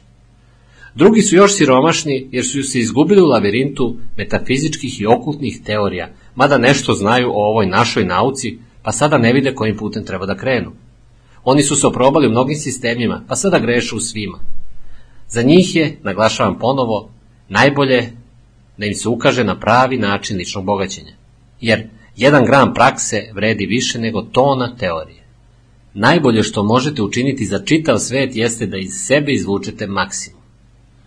Ni Bogu, ni čoveku ne možete služiti bolje nego da svakoga dana i u svakom pogledu napredujete na putu ličnog bogaćenja, ali pod uslovom da to bude na kreativan način, a ne takmičenje. Još nešto. Mi tvrdimo da ova knjiga detaljno iznosi načela nauke bogaćenja, pa ako je tako, ne trebate da slušate ili čitate ni jednu drugu knjigu u istom predmetu. Ovo može da zvuči uskogrudo i samoljubivo, ali razmislite. Ne postoji više računskih radnji osim sabiranja, oduzimanja, množenja i deljenja. Nikakav drugi metod nije moguć. Može da postoji samo jedna najkraća udaljenost između dve tačke. Postoji samo jedan naučan način razmišljanja, a to je da mislite na način koji najdirektnijim i najjednostavnijim smerom vodi ka cilju. Nijedan čovjek do sada nije formulisao kraći ili manje složen sistem od onoga koji je iznet ovde. Iz njega je praktično izbačeno sve što je nebitno. Kada počnete da delujete po njemu, odbacite sve ostale, odnosno potpuno ih odstranite iz svog uma. Slušajte ovu knjigu svakog dana, zapamtite dobro i ne razmišljajte o drugim sistemima i teorijama. Ako biste previše razmišljali, počeli biste da sumnjate i postajete nesigurni i kolebljivi u svom razmišljanju, a onda biste ubrzo počeli da grešite. Nakon što postignete uspeh i postanete bogati, možete da proučavate druge sisteme do mile volje, ali sve dok niste potpuno sigurni da ste dobili ono što želite, ne čitajte i ne slušajte ništa o ovoj temi osim ove knjige. I čitajte samo najoptimističnije vesti, one koje su u skladu sa vašom slikom. Takođe odložite istraživanje okultnog. Nemojte se daviti u mutnim vodama teozofije, spiritizma ili srodnih učenja. Vrlo je verovatno da su mrtvi još živi da su blizu, ali ako jesu, pustite ih na miru i bavite se svojim poslom. Ma gde da se nalaze duhovi mrtvih, oni moraju da obavljaju svoj posao i rešavaju svoje probleme, tako da nemamo pravo da se mešamo u to. Ne možemo da im pomognemo i vrlo je diskutabilno da li oni mogu da pomognu nama i imamo li uopšte bilo kako pravo da ih uzurpiramo, čak i ako mogu da nam pomognu. Ostavite mrtvi onostrani svet na miru i rešavajte svoj problem. Obogatite se. Ako počnete da se petljate sa okultnim stvarima, pokrenut ćete mentalna strujanja koja će sigurno propastiti sva vaša nadanja. Dakle, ovo i prethodna poglavlja doveli su nas do sledećih temeljnih činjenica. Postoji misleća substanca iz koje su sve stvari načinjene i koja u svom izvornom stanju prožima, prodire i ispunjava međuprostor univerzuma.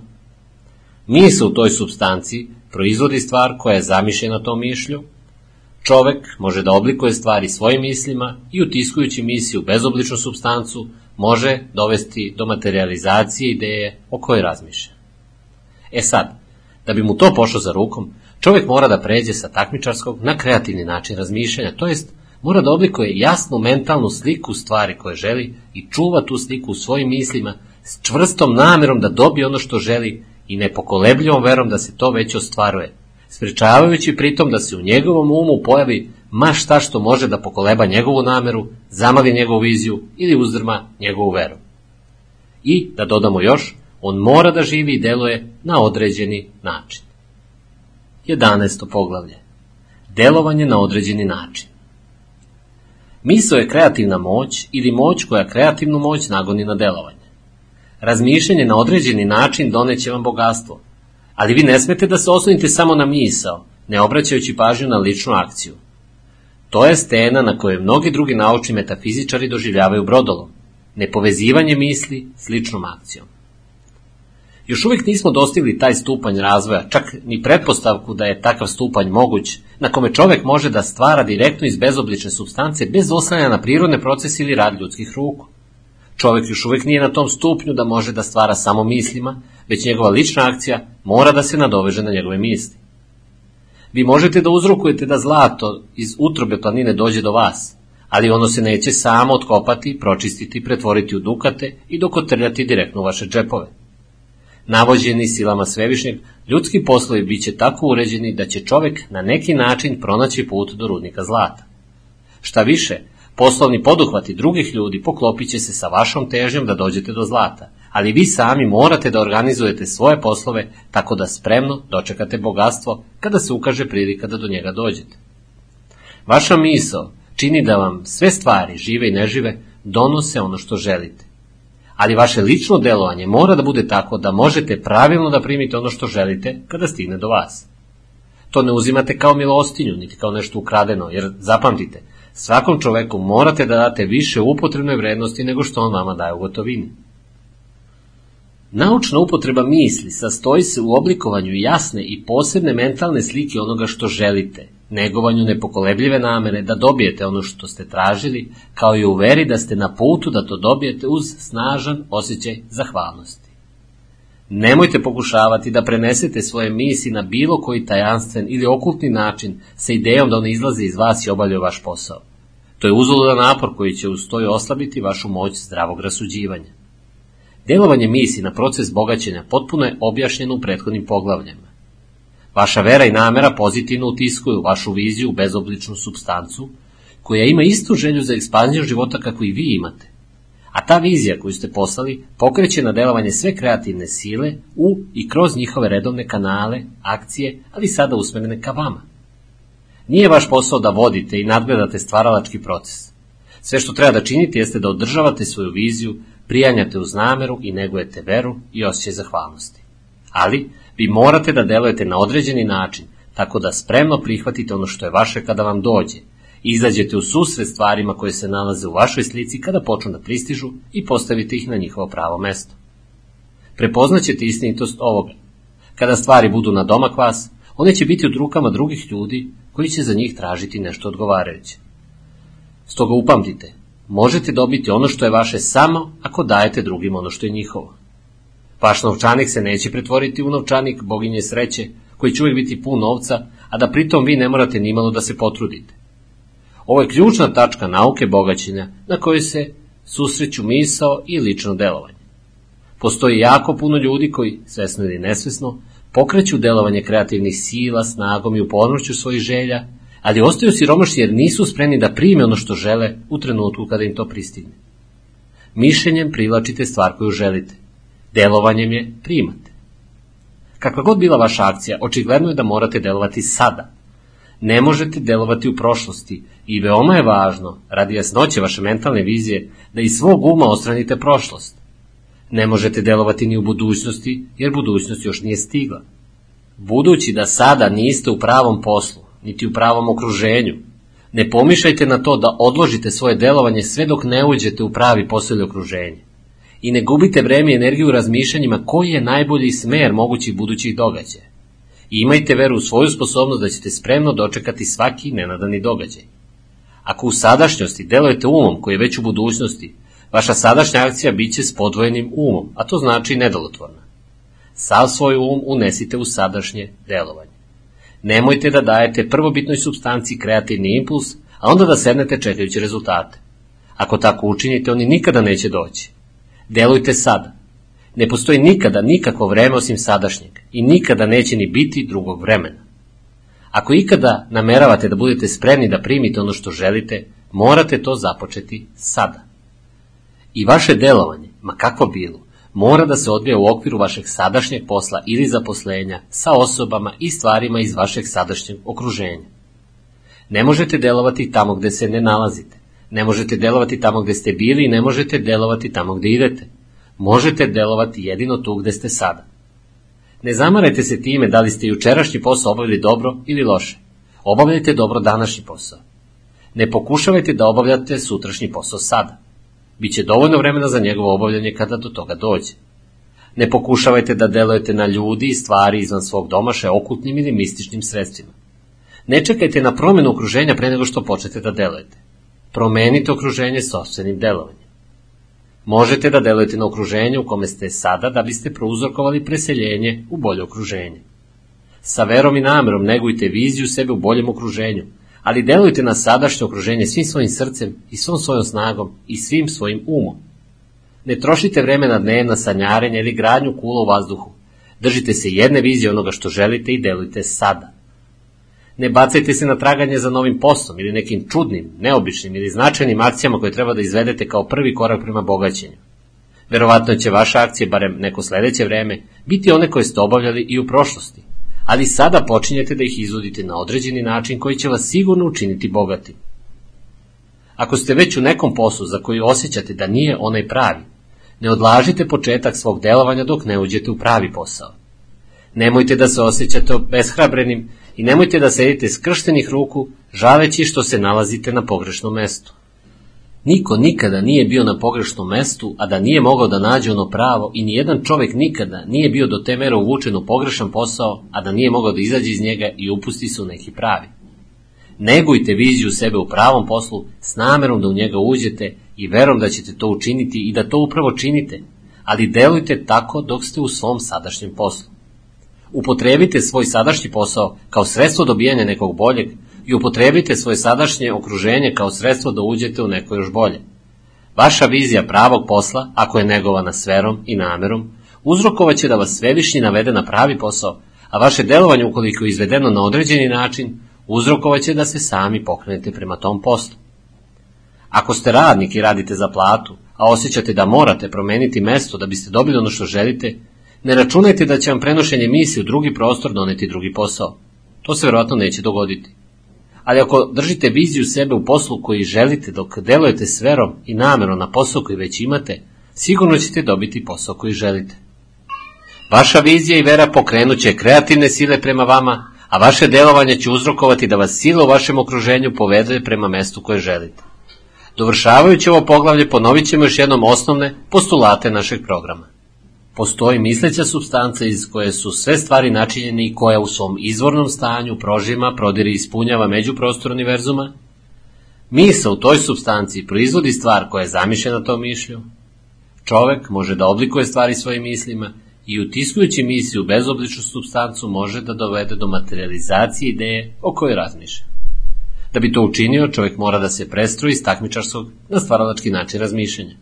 On mora da oblikuje jasnu mentalnu sliku stvari koju želi i da tu sliku neguje u svojim mislima s čvrstom namerom da dobije ono što želi i nek pokolebljivom verom da već dobija ono što želi, zatvarajući svoj um za sve ono što može da uzdrma njegovu nameru, zamaga njegovu viziju ili ugasi njegovu veru.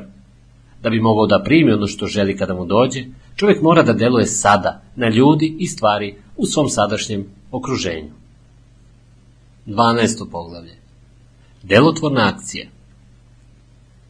Morate svoje misli da koristite onako kako vas upućuju prethodna poglavlja i početi da činite ono što možete u situaciji gde već jeste. I morate da činite sve što možete tamo gde jeste.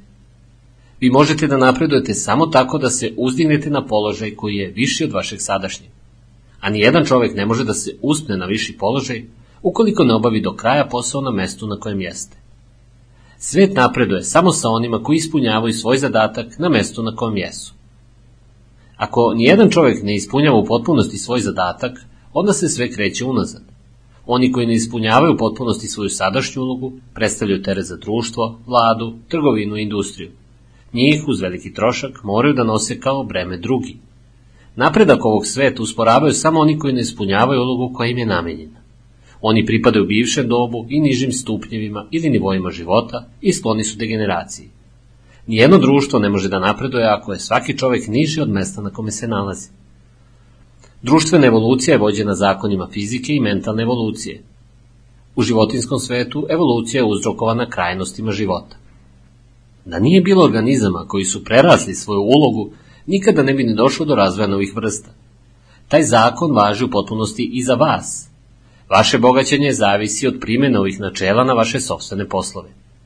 Svaki dan je uspešan ili neuspešan, a uspešan je dan u kome dobijete ono što želite. Ako je svaki dan neuspešan, nikada se nećete obogatiti.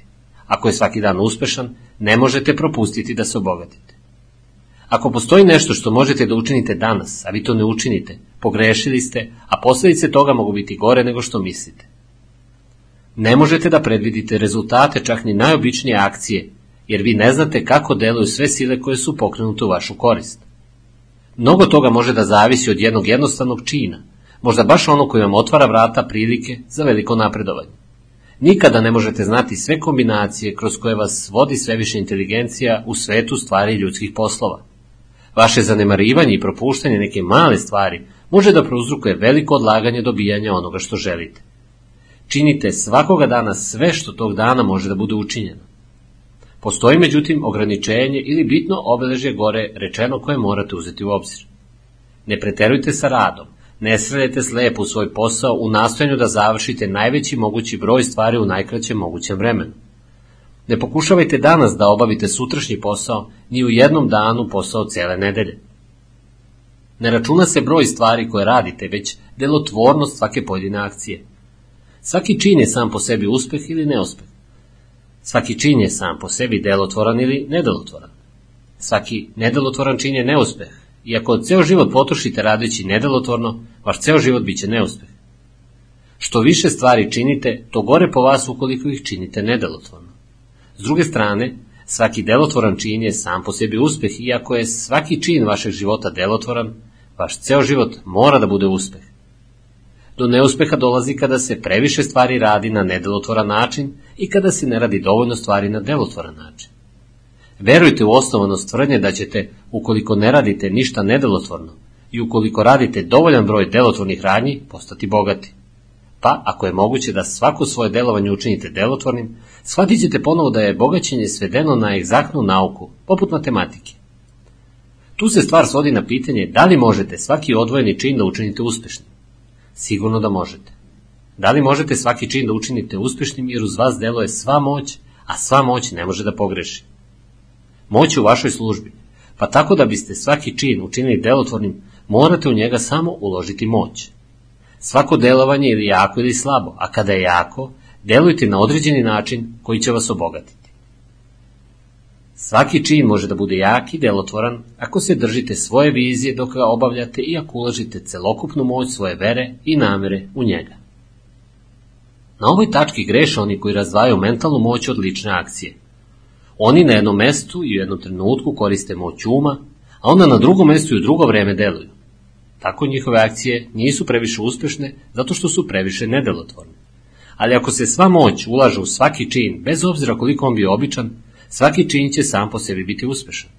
A u prirodi stvari je da svaki uspeh otvara vrata drugim uspesima, pa ćete i vi napredovati prema onome što želite, a napredovanje onoga što želite prema vama biće sve brže.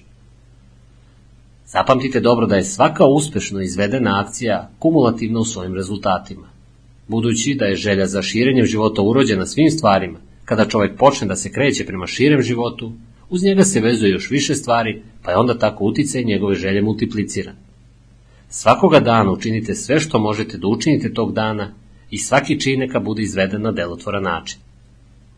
Kada sam rekao da se morate držati svoje vizije čitavo vreme svog delovanja, Ma kako to zvučalo trivialno ili običajno, pod time nisam podrazumevao da je potrebno sve vreme produbljivati svoju viziju do najsitnijih detalja.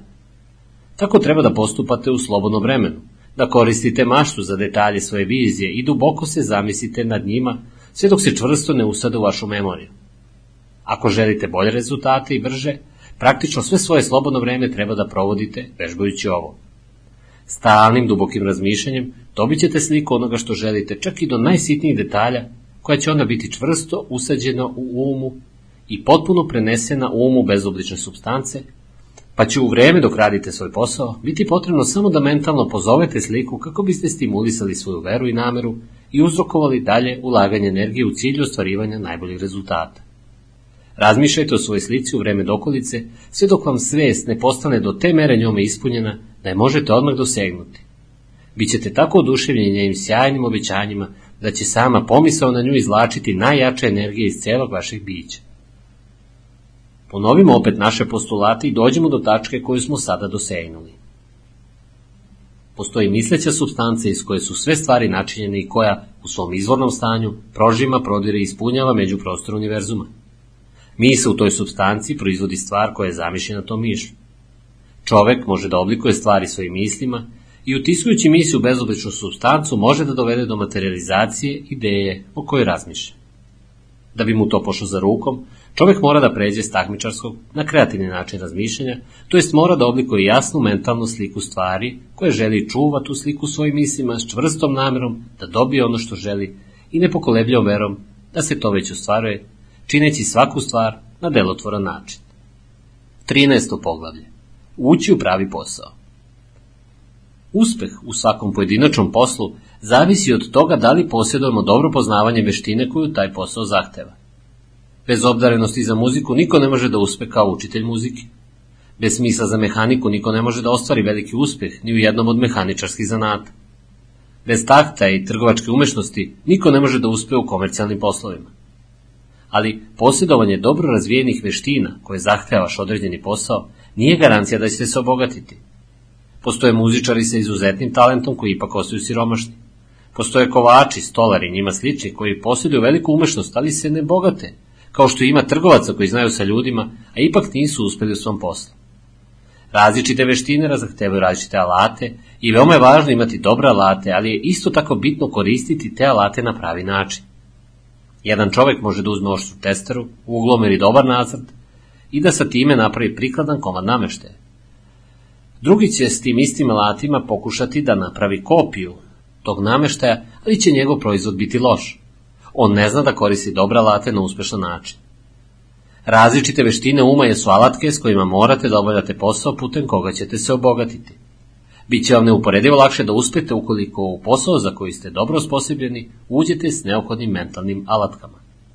Uopšteno govoreći, vi ćete najbolje obavljati posao koji vam pruža mogućnost da iskažete svoje najjače talente, a to je onaj posao koji vam prirodno najbolje odgovara. Ali postoje ograničenja ovog iskaza. Nijedan čovek ne bi smeo da se odnosi prema svom pozivu kao da je sudbinski određen prema njegovim urođenim sklonostima.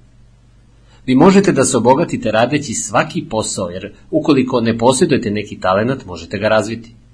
To samo znači da ćete tokom rada napraviti svoje vlastite alate, umesto da se ograničavate na upotrebu onih urođenih. Prema tome, bit će vam lakše da uspete u zanimanju za koje već imate vrlo dobro razvijene talente, ali vi možete da uspete u svakom pozivu, jer vi možete da razvijete svaki poseban talent, pošto ne postoji talent od kojeg ne posjedujete barem zametak. Što se samog napora tiče, najlakše ćete se obogatiti ako radite ono za što ste najbolje osposobljeni, ali bit ćete najzadovoljniji bogaćenjem koje vam dolazi kroz ono što želite da radite. Raditi ono što želimo da radimo jeste život, a u životu nema pravog zadovoljstva ako smo prisiljeni da zaovek radimo nešto što ne volimo i ako nikada ne možemo da radimo ono što želimo da radimo. A sigurno je da možete da radite ono što želite da radite. Želja da to radite jeste dokaz da u sebi imate moć koja to može da postigne. Želja je manifestacija moći. Želja za sviranje muzike je moć koja može da svira u nastojanju da se izrazi i razvije. Želja za pronalaženje mehaničkih naprava je talent za mehaniku koji traži mogućnost da se izrazi i razvije. Gde ne postoji moć, bilo razvijena ili nerazvijena, da se nešto napravi, nikada se neće javiti ni želja da se to napravi. A tamo gde postoji jaka želja da se nešto napravi, to predstavlja siguran dokaz da je moć da se to napravi jaka i da ona teži samo tome da se razvije i bude primenjena na ispravan način. Ako imate podjednaka interesovanja za razne stvari, najbolje je da odaberete posao za koji imate najrazvijeniji talent.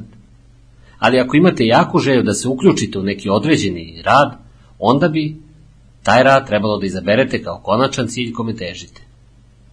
Možete da radite ono što želite da radite i vaše pravo i privilegija jeste da sledite posao ili poziv kome ste najviše naklonjeni i koji vam donosi najviše zadovoljstva. Vi niste obavezni da radite ono što ne volite da radite i to ne bi ni trebalo da činite, sem ako to nije sredstvo koje će vas pogurati ka stvarima koje želite da radite. Ako su vas posljedice prošlih grešaka dovele u poziciju da radite posao koji ne želite ili okruženje koje vam ne odgovara, Bićete jedno vreme obavezni da činite ono što ne volite da činite, ali biste taj posao mogli da radite sa više zadovoljstva ukoliko biste stekli uverenje da će vam to omogućiti da dođete do onoga što želite da radite. Ako osjećate da niste u pravom poslu za vas, nemojte nastojati da ga prenaglo promenite. Najbolji način je, uopšteno gledano, da posao ili okruženje promenite rastu. Nemojte se plašiti iznenadnih i radikalnih promjena kada vam se ukaže prilika za koje, nakon pažljivog razmatranja, osjećate da su prave. Ali nikada ne prihvatajte iznenadnu ili radikalnu akciju ukoliko imalo sumnjate u mudrost takvog čina. Na kreativnom planu nikad nema žurbe, kao što nema ni nestašica prilika. Kada prevaziđete takmičarski mentalitet, razumećete da nikada nema potrebe za naglim delovanjem. Niko vas neće pobediti u onome što želite da činite. Ima dovoljno za sve. Ako je neko mesto zauzeto, drugo i još bolje otvorit će vam se malo kasnije. Vremena za to ima na pretek. Ako u nešto sumnjate, čekajte. Vratite se dubokom razmišljanju o svojoj viziji, jačajući stalno svoju veru i nameru i ne zaboravite da na svaki način u vremenima sumnjene odlučnosti negujete osjećaj zahvalnosti.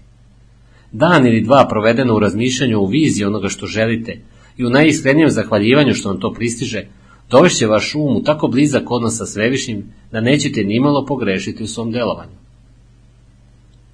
Postoji um koji zna sve što je moguće znati i uz pomoć koga možete da dođete u blisko jedinstvo sa svojom verom i namerom da napredujete u životu ukoliko samo posjedujete duboku zahvalnost. Greške proizlaze usled nagog delovanja ili delovanja iz straha i sumnje ili zaboravljanja pravog motiva koji je usmeren na uvećanje života svima, a nikako na uskraćivanje nečega bilo kome. Dok nastavljate da delujete na određeni način, prilike će vam dolaziti u sve većem broju i morat ćete da ostanete čvrsti u svojoj veri i nameri da zadržite blizak kontakt sa sveoštim umom kroz poštovanje i zahvalnost.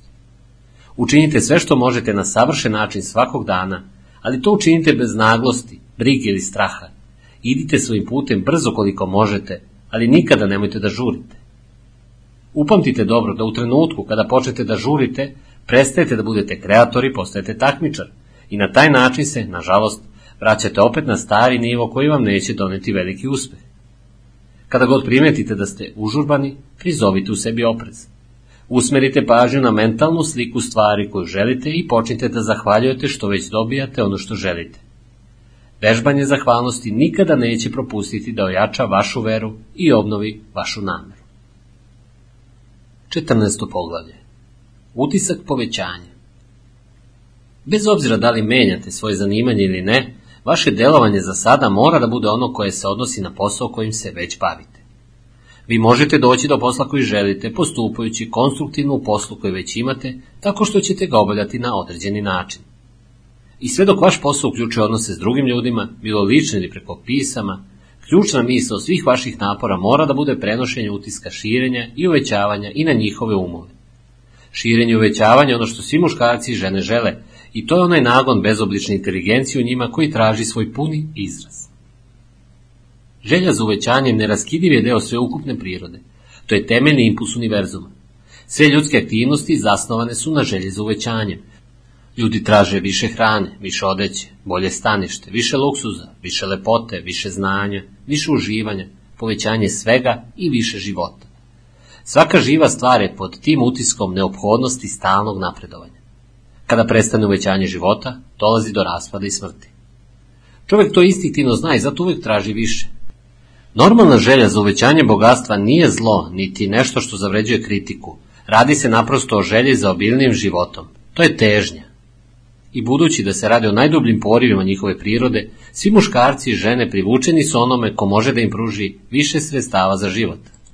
Sledeći određeni način, kako je opisan u prethodnim poglavljima, dobijate stalno uvećanje istovremeno ga prosleđujući svima s kojima ste u kontaktu. Vi ste kreativno središte iz koga se uvećanje širi prema svima.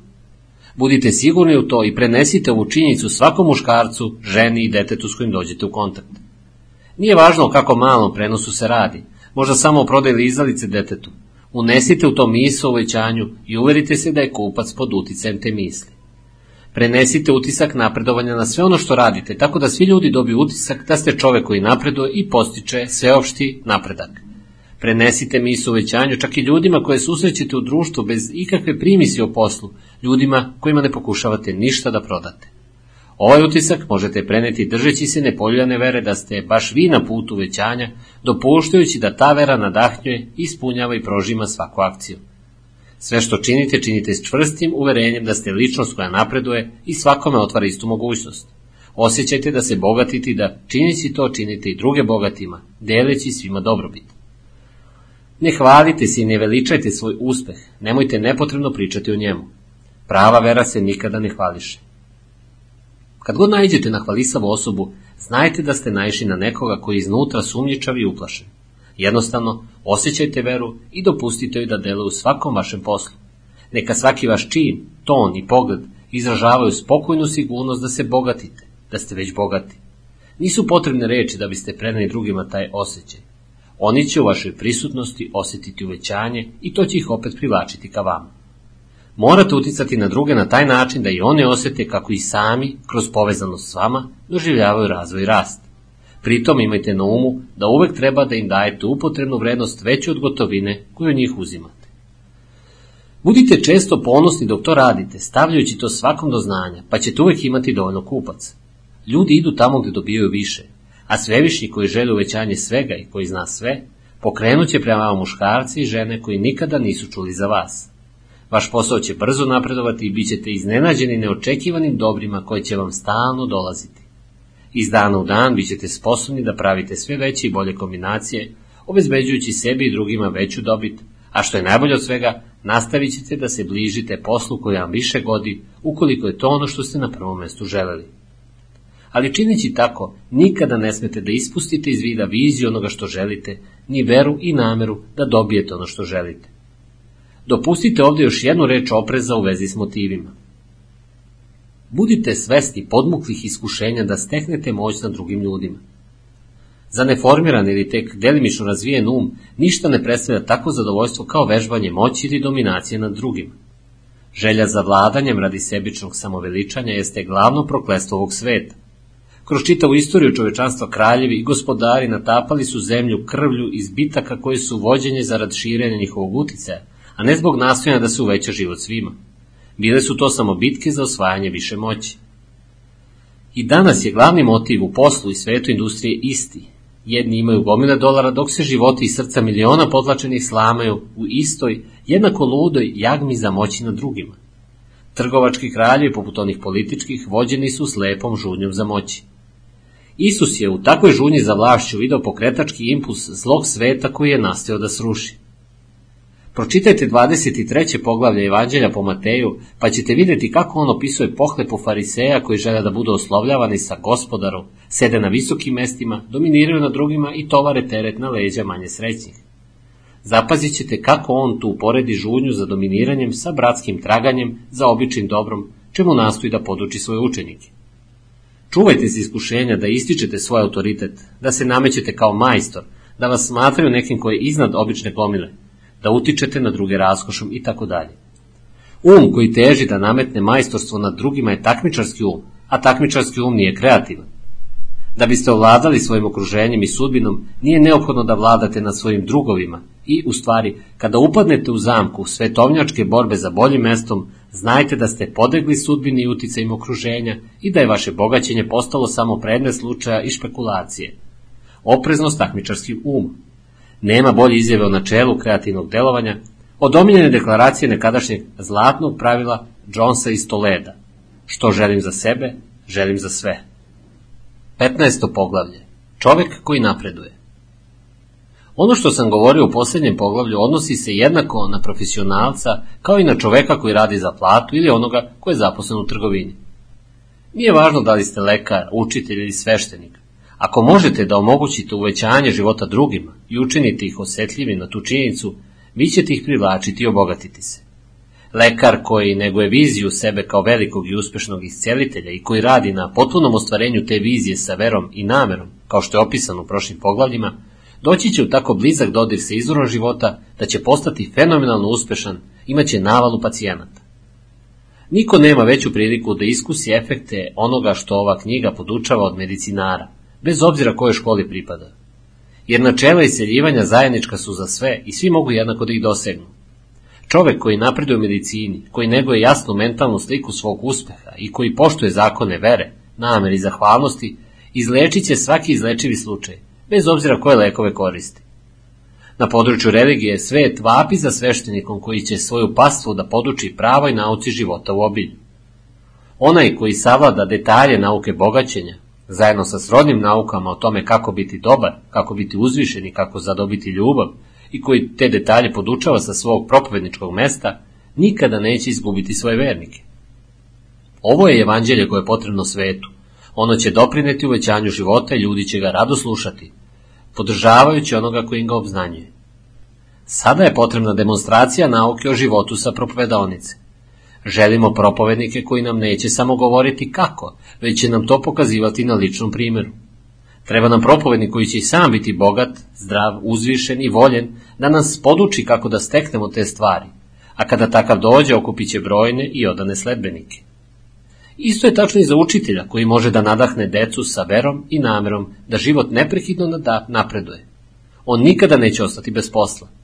I svaki učitelj koji posjeduje tu veru i nameru može da je prenese svojim učenicima, ali ne može da im pomogne time ukoliko vera i namera nisu deo njegovog ličnog života.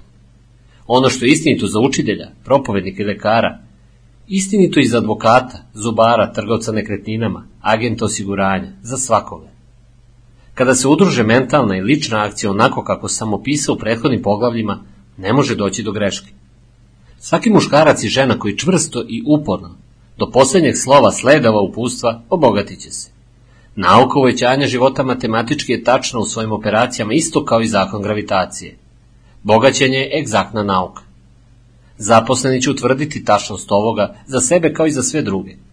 Nemojte osjećati da nemate šansu da se obogatite jer radite tamo gde ne postoji vidljiva prilika za napredovanje, gde su male plate i visoki troškovi života. Oblikujte jasnu mentalnu viziju onoga što želite i počnite da delujete sa verom i namerom. Učinite svaki posao koji možete svakoga dana i svaki delić tog posla učinite savršeno i uspešno. Moć uspeha i nameru bogaćenja unesite u sve što radite. Ali nemojte samo da se ulagujete onome ko vas zapošljava, u nadi da će on ili neko drugi iznad vas videti kako dobro radite i podržati vaše napredovanje. Nije verovatno da će se to dogoditi. Čovek koji je samo dobar radnik ispunjava svoje obaveze ulažući u to sav svoj trud i talenat, osjećajući pritom i zadovoljstvo za svega toga, dragocen je svom poslodavcu. Tada nije u interesu poslodavca da mu pomogne da napreduje, jer mu je takav radnik vredniji tamo gde se nalazi. Da biste osigurali napredovanje, potrebno je nešto više nego osjećaj da ste prerasli to mesto. Čovek koji će sigurno napredovati jeste onaj koji je prerastao svoje mesto, ali i koji ima jasan pojam o onome šta želi da bude. To je čovek koji zna da može da postane ono što želi i koji je odlučan da bude to što želi. Ne pokušavajte ništa više nego da ispunite sadašnju ulogu zadovoljavajući svog poslodavca, ali radite to sa idejom da ćete napredovati. Negujte veru i nameru o napredovanju tokom radnih sati, posle i pre njih. Negujte je tako da svaka osoba koja sa vama dođe u kontakt, pa bio to poslovođa, saradnik na poslu ili tek neki poznanik, osjeti moć namere koja iz vas zrači. Tako ćete na svakoga od njih preneti osjećaj vašeg napredovanja.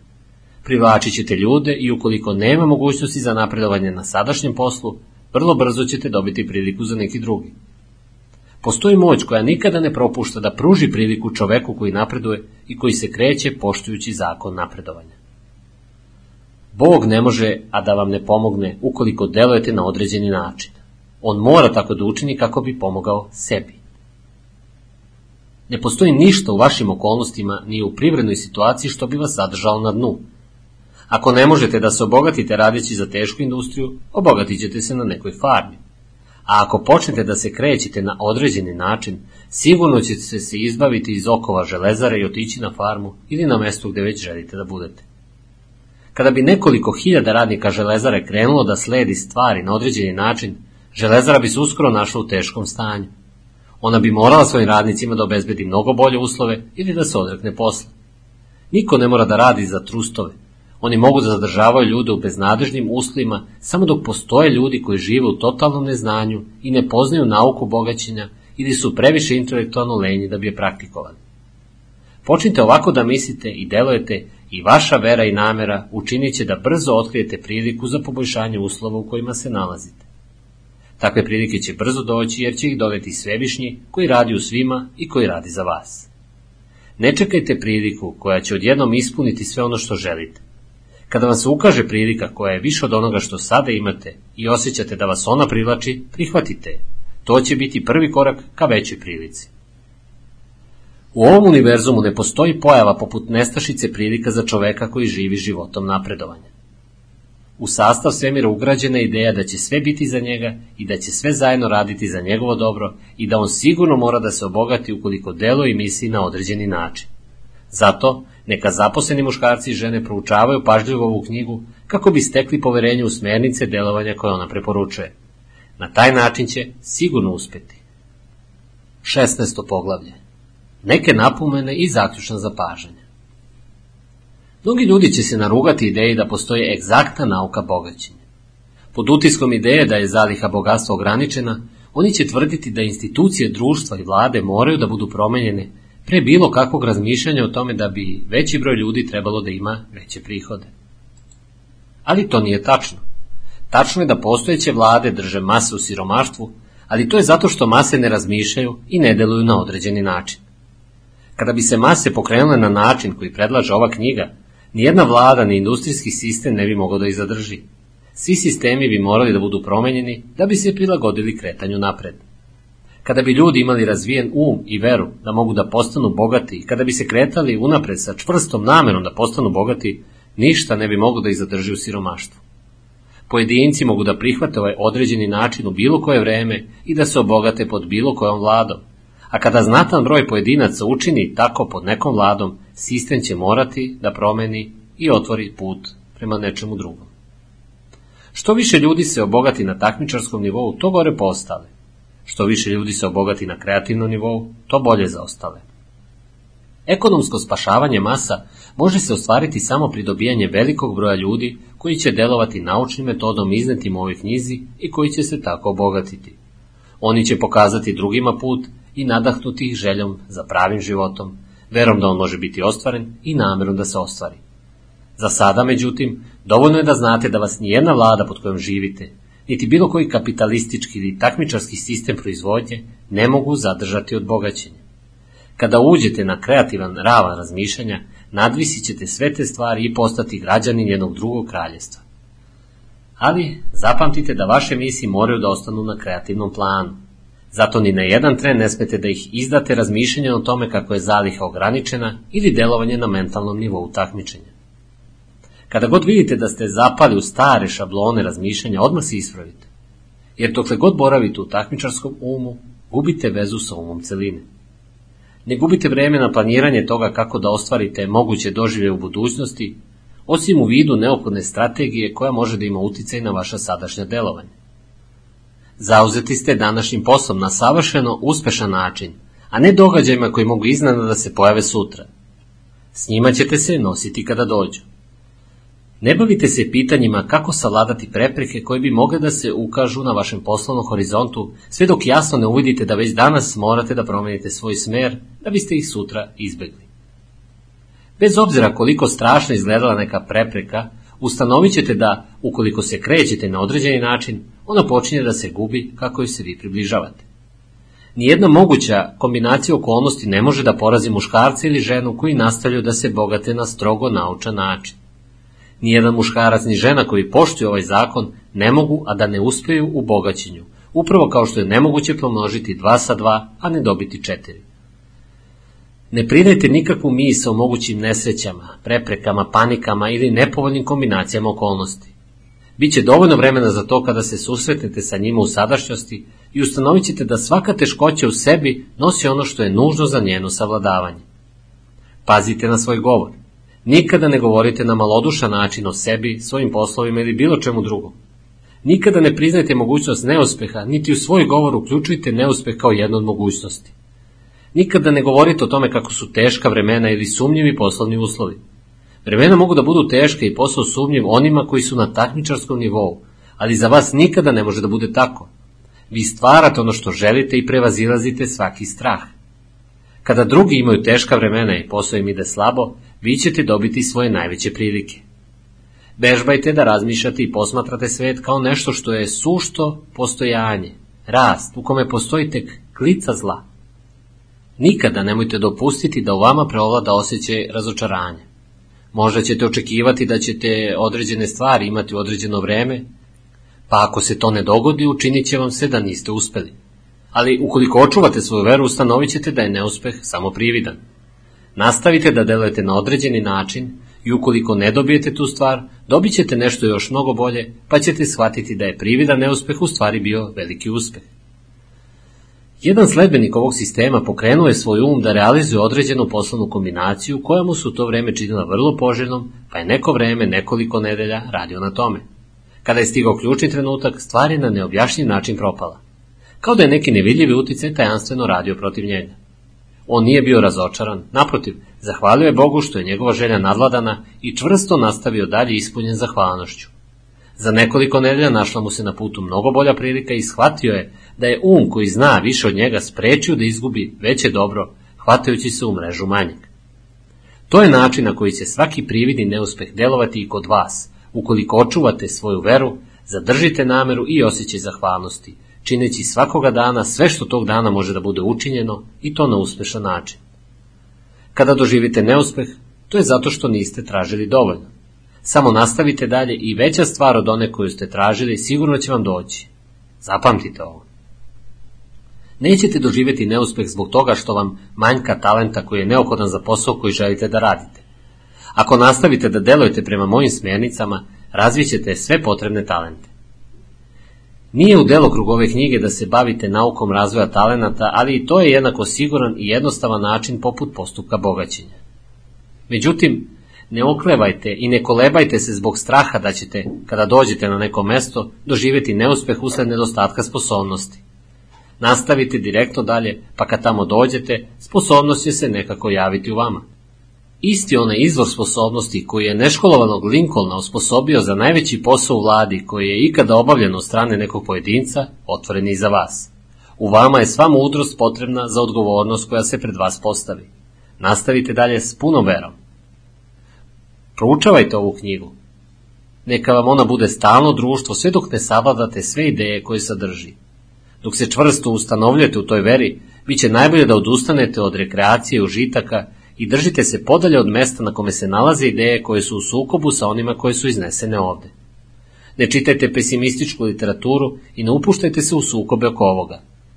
Veći deo svog slobodnog vremena provodite razmišljajući o svojoj viziji, negujući zahvalnost, slušajući ovu knjigu. Ona sadrži sve što treba da znate o nauci bogaćenja. Ustanovit ćete da je ono najbitnije, sažeto u sledećem poglavlju. 17. poglavlje Sažetak nauke bogaćenja Postoji misleća substanca iz koje su sve stvari načinjene i koja u svom izvornom stanju prožima, prodire i ispunjava među prostor univerzuma. Misa u toj substanciji proizvodi stvar koja je zamišljena tom mišlju. Čovek može da oblikuje stvari svojim mislima i utiskujući misiju u bezobličnu substancu može da dovede do materializacije ideje o kojoj razmišlja. Da bi mu to pošlo za rukom, čovjek mora da pređe sa takmičarskog na kreativni način razmišljanja, inače ne može biti u skladu sa bezobličnom inteligencijom koja je po svom duhu uvek stvaralačka, a nikada takmičarska. Čovek može da dođe u potpuni sklad s bezobličnom substancom ukoliko osjeća živu i iskrenu zahvalnost za blagoslove kojim ga ona obdaruje. Zahvalnost ujedinjuje um čoveka sa inteligencijom substance, pa bezoblična substanca prima njegove misli. Čovek može da ostane na stvaralačkoj ravni samo ukoliko se udruži sa bezobličnom inteligencijom kroz duboki trajan osjećaj zahvalnosti. Čovek mora da oblikuje jasnu i određenu mentalnu sliku stvari koju želi da posjeduje, čini ili postane. On mora tu mentalnu sliku da neguje svojim mislima dok osjeća duboku zahvalnost prema svevišnjem što su mu sve želje ispunjene.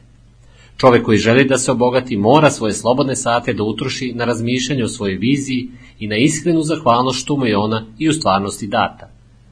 Nikad nije previše naglašena važnost čestog formiranja mentalne slike, zajedno s nepokolebljivom verom i predanom zahvalnošću. To je postupak pomoću kojeg se stvara utisak u bezobličnoj substanciji i pokreću stvaralačke sile. Kreativna energija deluje kroz ustanovljene kanale prirodnog rasta, industrijski i društveni poredak. Sve što je uključeno u njegovu mentalnu sliku sigurno će doći čoveku koji sledi ova upustva i čija vera je nepokolebljiva. Ono što želi doći će mu već ustanovljenim putima trgovine. Da bi primio ono što je njegovo kada do toga dođe, čovjek mora da bude aktivan. Ta aktivnost ne sastoji se samo u ispunjavanju obaveza njegovog sadašnjeg posla. On mora da drži na umu nameru bogaćenja kroz realizaciju svoje mentalne slike. I on mora svakog dana da čini sve što je tog dana moguće učiniti, vodeći pritom računa da svaki čin bude izveden uspešno. On mora svakom čoveku da pruži u upotrebnoj vrednosti više od gotovinske vrednosti koju je primio, tako da svaka transakcija stvara još više života. I mora tako da se drži ideja o napredovanju, da utisak uvećanja bude prepoznat od svih s kojima dolazi u kontakt. Muškarci i žene koji praktikuju ovo upustva sigurno će se obogatiti. A veličina bogatstva koju će dobiti zavisit će od jasnoće njihove vizije, čvrstine namere, postojanosti vere i dubine njihove zahvalnosti.